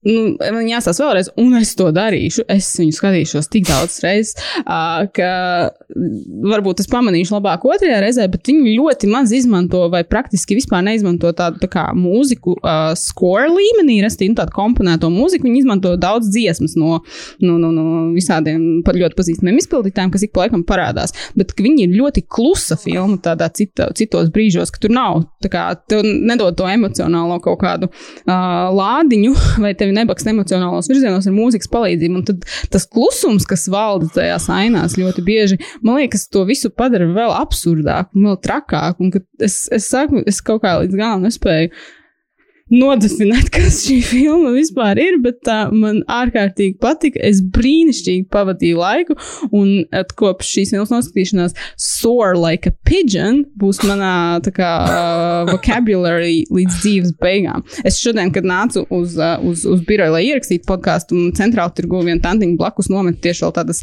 sēklas, un tur tāda baloža, drausmīgs daudzums lidojumu virsū, man ko trīs baloži gandrīz uztriecās virsū, un bija tāds tā ir zīme no kaut kādiem augstākiem spēkiem. Es biju absolūtā sajūsmā par visu šo ārprātu. Nu, vot. Es kā mēs negaidījām, ka tas būs tik labi. Uh, ļoti interesanti, jā, ka man pēc jums arī bija, man, kā, bija tāda piemēra, kam šī filma ir līdzīga, un es, ka pēc Rūma arī bija viens no tiem. Uh, Tāpēc, ka kaut kas tajā, kā viņi tās visas tās ainas, kā tur notiek, kā tie cilvēki Nē, ienāk iekšā, parādās. Groteski, groteski, Nu, jā, absurda. Bet tas ir kā. Bet tas nav tā kā neprofesionāli, jo nu, tur Jā, jā, jā, tomēr tas- ir kaut kāds tas neprofesionāls tāds līmenis. Tāpēc es teicu, ka liekas, ka, nu, ka Tomijs vai Zobu ir kaut kāds režisors, kurš izgājis, un tagad viņš ir drusku labāks, bet kaut kādas viņa tās stila iezīmes joprojām tur ir redzamas. Uh, Zerum, tad eh, vēl bija tāda latviešu filma Blēži. Uh, tas, un, un, un es to domāju labā nozīmē, nopietni, tā kā labā nozīmē. Jo tieši tā, kad, kad tas House of Gucci ir nu, tas tēlojums ļoti ekstravaganti, ekscentrisks. Bet, mērā, šeit laikam gribētu, varbūt, es nezinu, mēs tik ļoti par to spilgti runājam, tiem, kas nav redzējuši, varbūt ne, vai nav tāds oversells, ka tas tiešām būs tā kā Zerum, nu tas nav tas Nē, nē, līmenis. nē, nav. Un tur ieslēdzās vienkārši tas, ka mēs negaidījām no Ridlīs Skota, kurš, manuprāt, uz tieši to, uz tiem 84 gadiem topošiem uh, ir ieslēdzis kaut kādu uh, profesionālo kaut kādu režīmu, ka viņš vienkārši atnāk, kā klīns iestādes uzfilmē, un tu saproti, ka viņš vienmēr būs tādā vienā kaut kādā līmenī profesionālā, bet viņš diez vai būs eksperimentators. Tu no viņa negaidi. Tas ir pēkšņi. drusku, zināmā mērā, nu, tas, tas filmas nav līdzīgs, un tā man uh, otrā galīgi nepatika, bet tas ir drusku tāds The Counselor Ridley Scotts, vairāk nevis, teiksim, The Martian Ridley Scotts vai, Jā, jā, vai, tu vai jautā- jā, The Last tu- Duel Ridley Scotts. Tu negaidi no viņa tādas kaut kādas lietas, un kad pēkšņi kā, hmm, a kāpēc tu kā pēkšņi eksperimentē, vai gan no tevis negaidi tos kaut kādus eksperimentus. Un es gan gribētu teikt, ka man liekas, ka tie nav tie eksperimenti, tas ir varbūt kaut kas tas tiešām vecuma profesionālisms, briedams, ka viņš zināja, cik. Cik daudz vajag uzgriezt to mednes, bet viņš zināja, kur nevajag pārgriezt viņu pa daudz. tā Tāpēc šī filma nav ne zerūma, ne blēži kur, kuru autoriem noteikti nav šis uh, kaut kāds koķītis, kur apstāties. Un, uh, Bet tā pašā laikā es domāju, ka tas visticamākais ir nu, ļoti apzināta, noteikti ļoti apzināta izvēle. Es domāju, ka balstoties uz tematu, kad, uh, kad par šiem personāžiem un vispār par šiem notikumiem var uztaisīt tādu ļoti tradicionālu kriminālu, nu, puskriminālu drāmu, biogrāfisko. Nu, tas varbūt nebūs nemaz tik interesanti, bet ja tu paņem visu to modes industriju, ka viņi ir tāda kaut kādā ziņā tāda absurdi groteska brīžiem. Un pārcelt to uz tiem varoņiem, es domāju, ka tas, tas, nu, tas apzināti domāts, lai nu, atsaucoties uz to. Nu, tādā, neskaidrs, ka tas ir apzināti domāts, tas nevar nebūt apzināti, apzināti nedomāts. To. Es nevarēju saprast, kāpēc ir tā, ka šajā filmā ir nu, cik pieci, seši galvenie personāļi, un katrs no viņiem tēlo savā kaut kādā tādā līmenī. Tā kā viens uz 50, uz 80, viens uz 200, un, un, kā, un viņi atrodas vienā ainā, un vienlaikus tas notiek šis te actings. Un, uh, jā, bet tas ir ļoti izklaidējoši, ļoti interesanti. Un, uh, un Nu, visi, protams, neapsveicami. runā par uh, Jaredu Leto, kurš tur, nu, tas ir vienkārši jāredz, uh, lai tam noticētu, un arī par, uh, protams, Lady Gaga, kur man īstenībā likās, nu, tā kā, nu, tur ir tā kaut kāds overacting, protams, bet tas strādā, un viņi bija ļoti, ļoti interesanti. Tev tā kā nav vienā brīdī ar viņu garlaicīgi, tā ka es domāju, ka viņi panāca kaut ko, ko viņi gribēja. Noticēja viņas personāžam pilnībā. Tieši tā, jā. Un, uh, bet es gribētu arī, man liekas, par viņu kaut kā galīgi runāt mazāk par Ādamu Driveru, jo viņš, man liekas, arī ļoti interesants lietas tur dara. Viņam nav varbūt tik tāda ekspresīva tā loma, kā, teiksim, tai pašai Lēdijai Gāgai, jo viņa, nu, tur eksplodē un viss kaut kā var izvērsties. Bet, uh, bet, bet uh, viņu man arī bija ļoti, ļoti, ļoti interesanti vērot visas filmas garumā un uh, ne, nepalaidiet viņu garām. Viņš ir kādreiz tāds, kurš tāds diezgan saptultē. Nu, Jā, un nē. Nu, Man liekas, jā, ka viņš arī, nu, tā kā, es saku, man liekas, tā filma ir ļoti viltīgi nokalibrēta, tostarp arī runājot par, par, par aktierisko sniegumu. Es saprotu, es, es pēc tam, teiksim, tajā pašā letterboxdā paskatījos arī, ko citi cilvēki rakstījuši, ka viņi nu, nesakonektējas gan ar visiem citiem. Viņi liekas drausmīgi garlaicīgi, un kaut kā es nezinu, ja tur būtu netrāpju uz tā viņu, viņu absurdumu viļņu, tad droši vien nestrādās. Tāpēc, nu, tu prātīgi teici, ka varbūt mēs tagad viņu oversalosim. Jā. Nē, es domāju, ka, es domāju, ka šeit ir jāspēj novērtēt kaut kāds tas, uh, varbūt, varbūt līdzīgi kā es teicu to pašu par Eternals, kad ir starp visām citām filmām milzīgo apjomu ar tādām tradicionālām filmām, kur viss ir tieši tā, kā tu to sagaidi. Es pilnībā redzu šo stāstu citu režisoru izpildījumā kā tādu ļoti klasisku. Klasisku, biogrāfiski, kriminālu, kriminālu drāmu. Nu, krimināla drāma tad varbūt uz beigām tikai, bet tad biogrāfisko drāmu, kur, kur ir varbūt pat labas aktieru spēles, un tur viss ir ļoti tradicionāli. un Tas viss jau būtu redzēts simts vienu reizi par citām ģimenēm, par citiem slavenībām, par prezidentiem, par premjeriem. Nu, kaut, kaut kas uz to pusi. Bet uh, ļoti forši, ka viņi ir. Es domāju, ka ir kaut kas citādāks jāpasniedz. Un, un, un, un, cilvēki, mēs vienkārši priecājamies par to, ka pat tie slaveni aktieri overacto, tad viņi to dara nu, ļoti baudāmi. Skaties, tas ir izklaidējoši. Tā. Bet zinu, ko es gribēju pateikt. Kad, Patiesībā jau tā kā mēs, nu, mē- mēs ļoti daudz smējāmies, filmā ir diezgan daudz humora un ļoti daudz momentu, kur vienkārši sm- smējies vai nezinu, kaut kā pozitīvi reaģē tieši uz šo te aktingu, uz tiem akcentiem un tā tālāk. Tad Tie ir tādi, es nespēju noticēt, ka tas tikko notika smieklīgi. Jā, bet tas saturs nav baigs smieklīgs. Nu, nē, tur jau tā viņš lieta. īstenībā ir, man liekas, tas tāds apzināts, mēs tieši runājam pēc, arī pēc sēnes, kad, kad Ridlīs Skops ir absolūti noteikti pārvērties savos 83 gados par pilnīgāko mizantropu, un viņš, viņš, kā, viņ, viņš beig nav augstās domās par cilvēkiem. To varēja redzēt viņa iepriekšējā filmā Last Duel, un to var redzēt filmā All the Money in the World, un vispār viņam tās visas filmas kandidāti projām vienādas. Bet ir. tāpēc tieši arī, teiksim, The Martian bija ļoti liels pārsteigums, ka tu to filmu skaties, un tu īsti līdz galam nevarēji nocēt tam, ka tā ir Ridley Scotta filma, jo viņa bija tik pozitīva par cilvēci. un tas, tas, tas likās savādi. Kanclera, kas bija tieši yeah. tāds pats kā viņa nākamā sūta. Un, uh, un viņš beig beigās, teiksim, ja mēs ejam, un mēs, es tā padomāju, mēs, viņš radīs filmu, kur cilvēki priecājās un smējās un skatās par diezgan traģiskiem notikumiem, ar diezgan traģiskām beigām, un, un mēs, kā skatītāji, esam pa lielu tikpat ļoti nepatīkami personāži, kā tās filmas, kas arī tā kā, kaut kā, nu, tā kā tā. Un tas ir kaut kāds viņa thing, ka viņš gribēja to panākt ar šo visu, ka, tā kā, kad, kad mēs smejoties un, tipa, we're having a good time, bet par ko par, tā kā, par Tas varbūt ir kaut kāds tāds meta komentārs par to, Jā, cik ļoti jā. mēs esam apsēsti ar tiem true crime stāstiem mūsdienās, ka visi tur Mm. klausās podkāstus, lasa, visi skatās visus Tiger Kings un ko tik vēl ne. Un, un, Ja tas ka- ir izklaidējoši un cik fun, bet tas īstenībā ka, ka, ka nav mēs jā, izmantojam citu cilvēku traģēdijas. Un, uh, un es domāju, ka tas ir kaut kāds tas viņa tas, tas mizantropiskais komentārs, un tā kā, tas ir forši, ka tas tā ir. Un, Bet tajā pašā Jā. laikā, ja tu ļauj Dērdam Leto darīt to, ko viņš tur dara, tad nu, cilvēks miesies. jā, Teica Davids Sayers. nevienā brīdī nevarēja būt tā, ka viņi to kaut kādā veidā nopietni domāja. Bet, nu, nē, nē, tas skaidrs. Nu, viņi ir Jā. tā kā vienlaikus nopietni un nē, un tas ir kaut kāds tāds ļoti, ļoti, ļoti dīvains punkts, kurā trāpīt, bet man liekas, viņam brīnišķīgi sanāca. Filma kino baudītājiem, kā mēdz apzīmēt, ļoti daudz ko. Šī noteikti tāda ir, bet ko tas sev ietver, es domāju, ka katram pašam priekš sevis ir jāatrod, bet noteikti kino kaut kas rekomendē. Ok. Nu, es okay. apskatījos, ka, ka 5 km uh, uh, attāluma kinoteātris rāda House of Gucci. So, maybe uh, jūsu liksmojušas atsauksmes uh, pārliecinās tomēr aizbraukt un noskatīties. Nu, mēģini.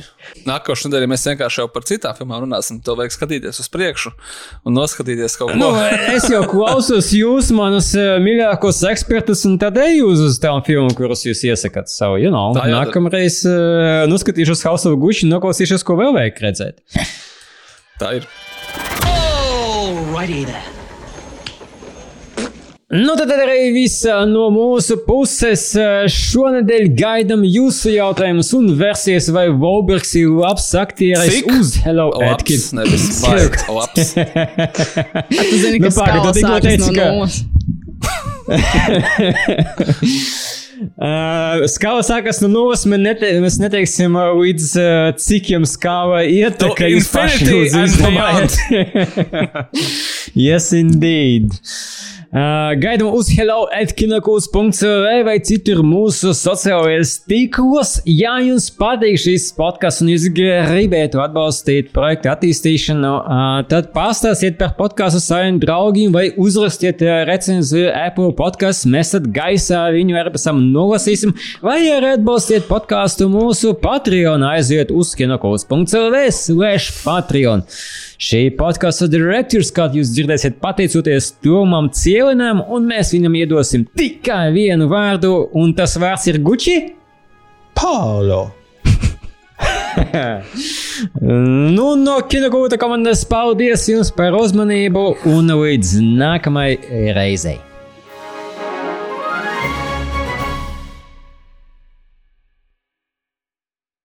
You have a gift, I'm telling you. Oh, stop.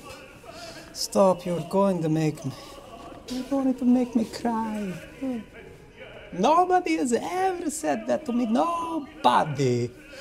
Paolo, why don't you have your own line? These are just mock ups. I can't afford to get serious.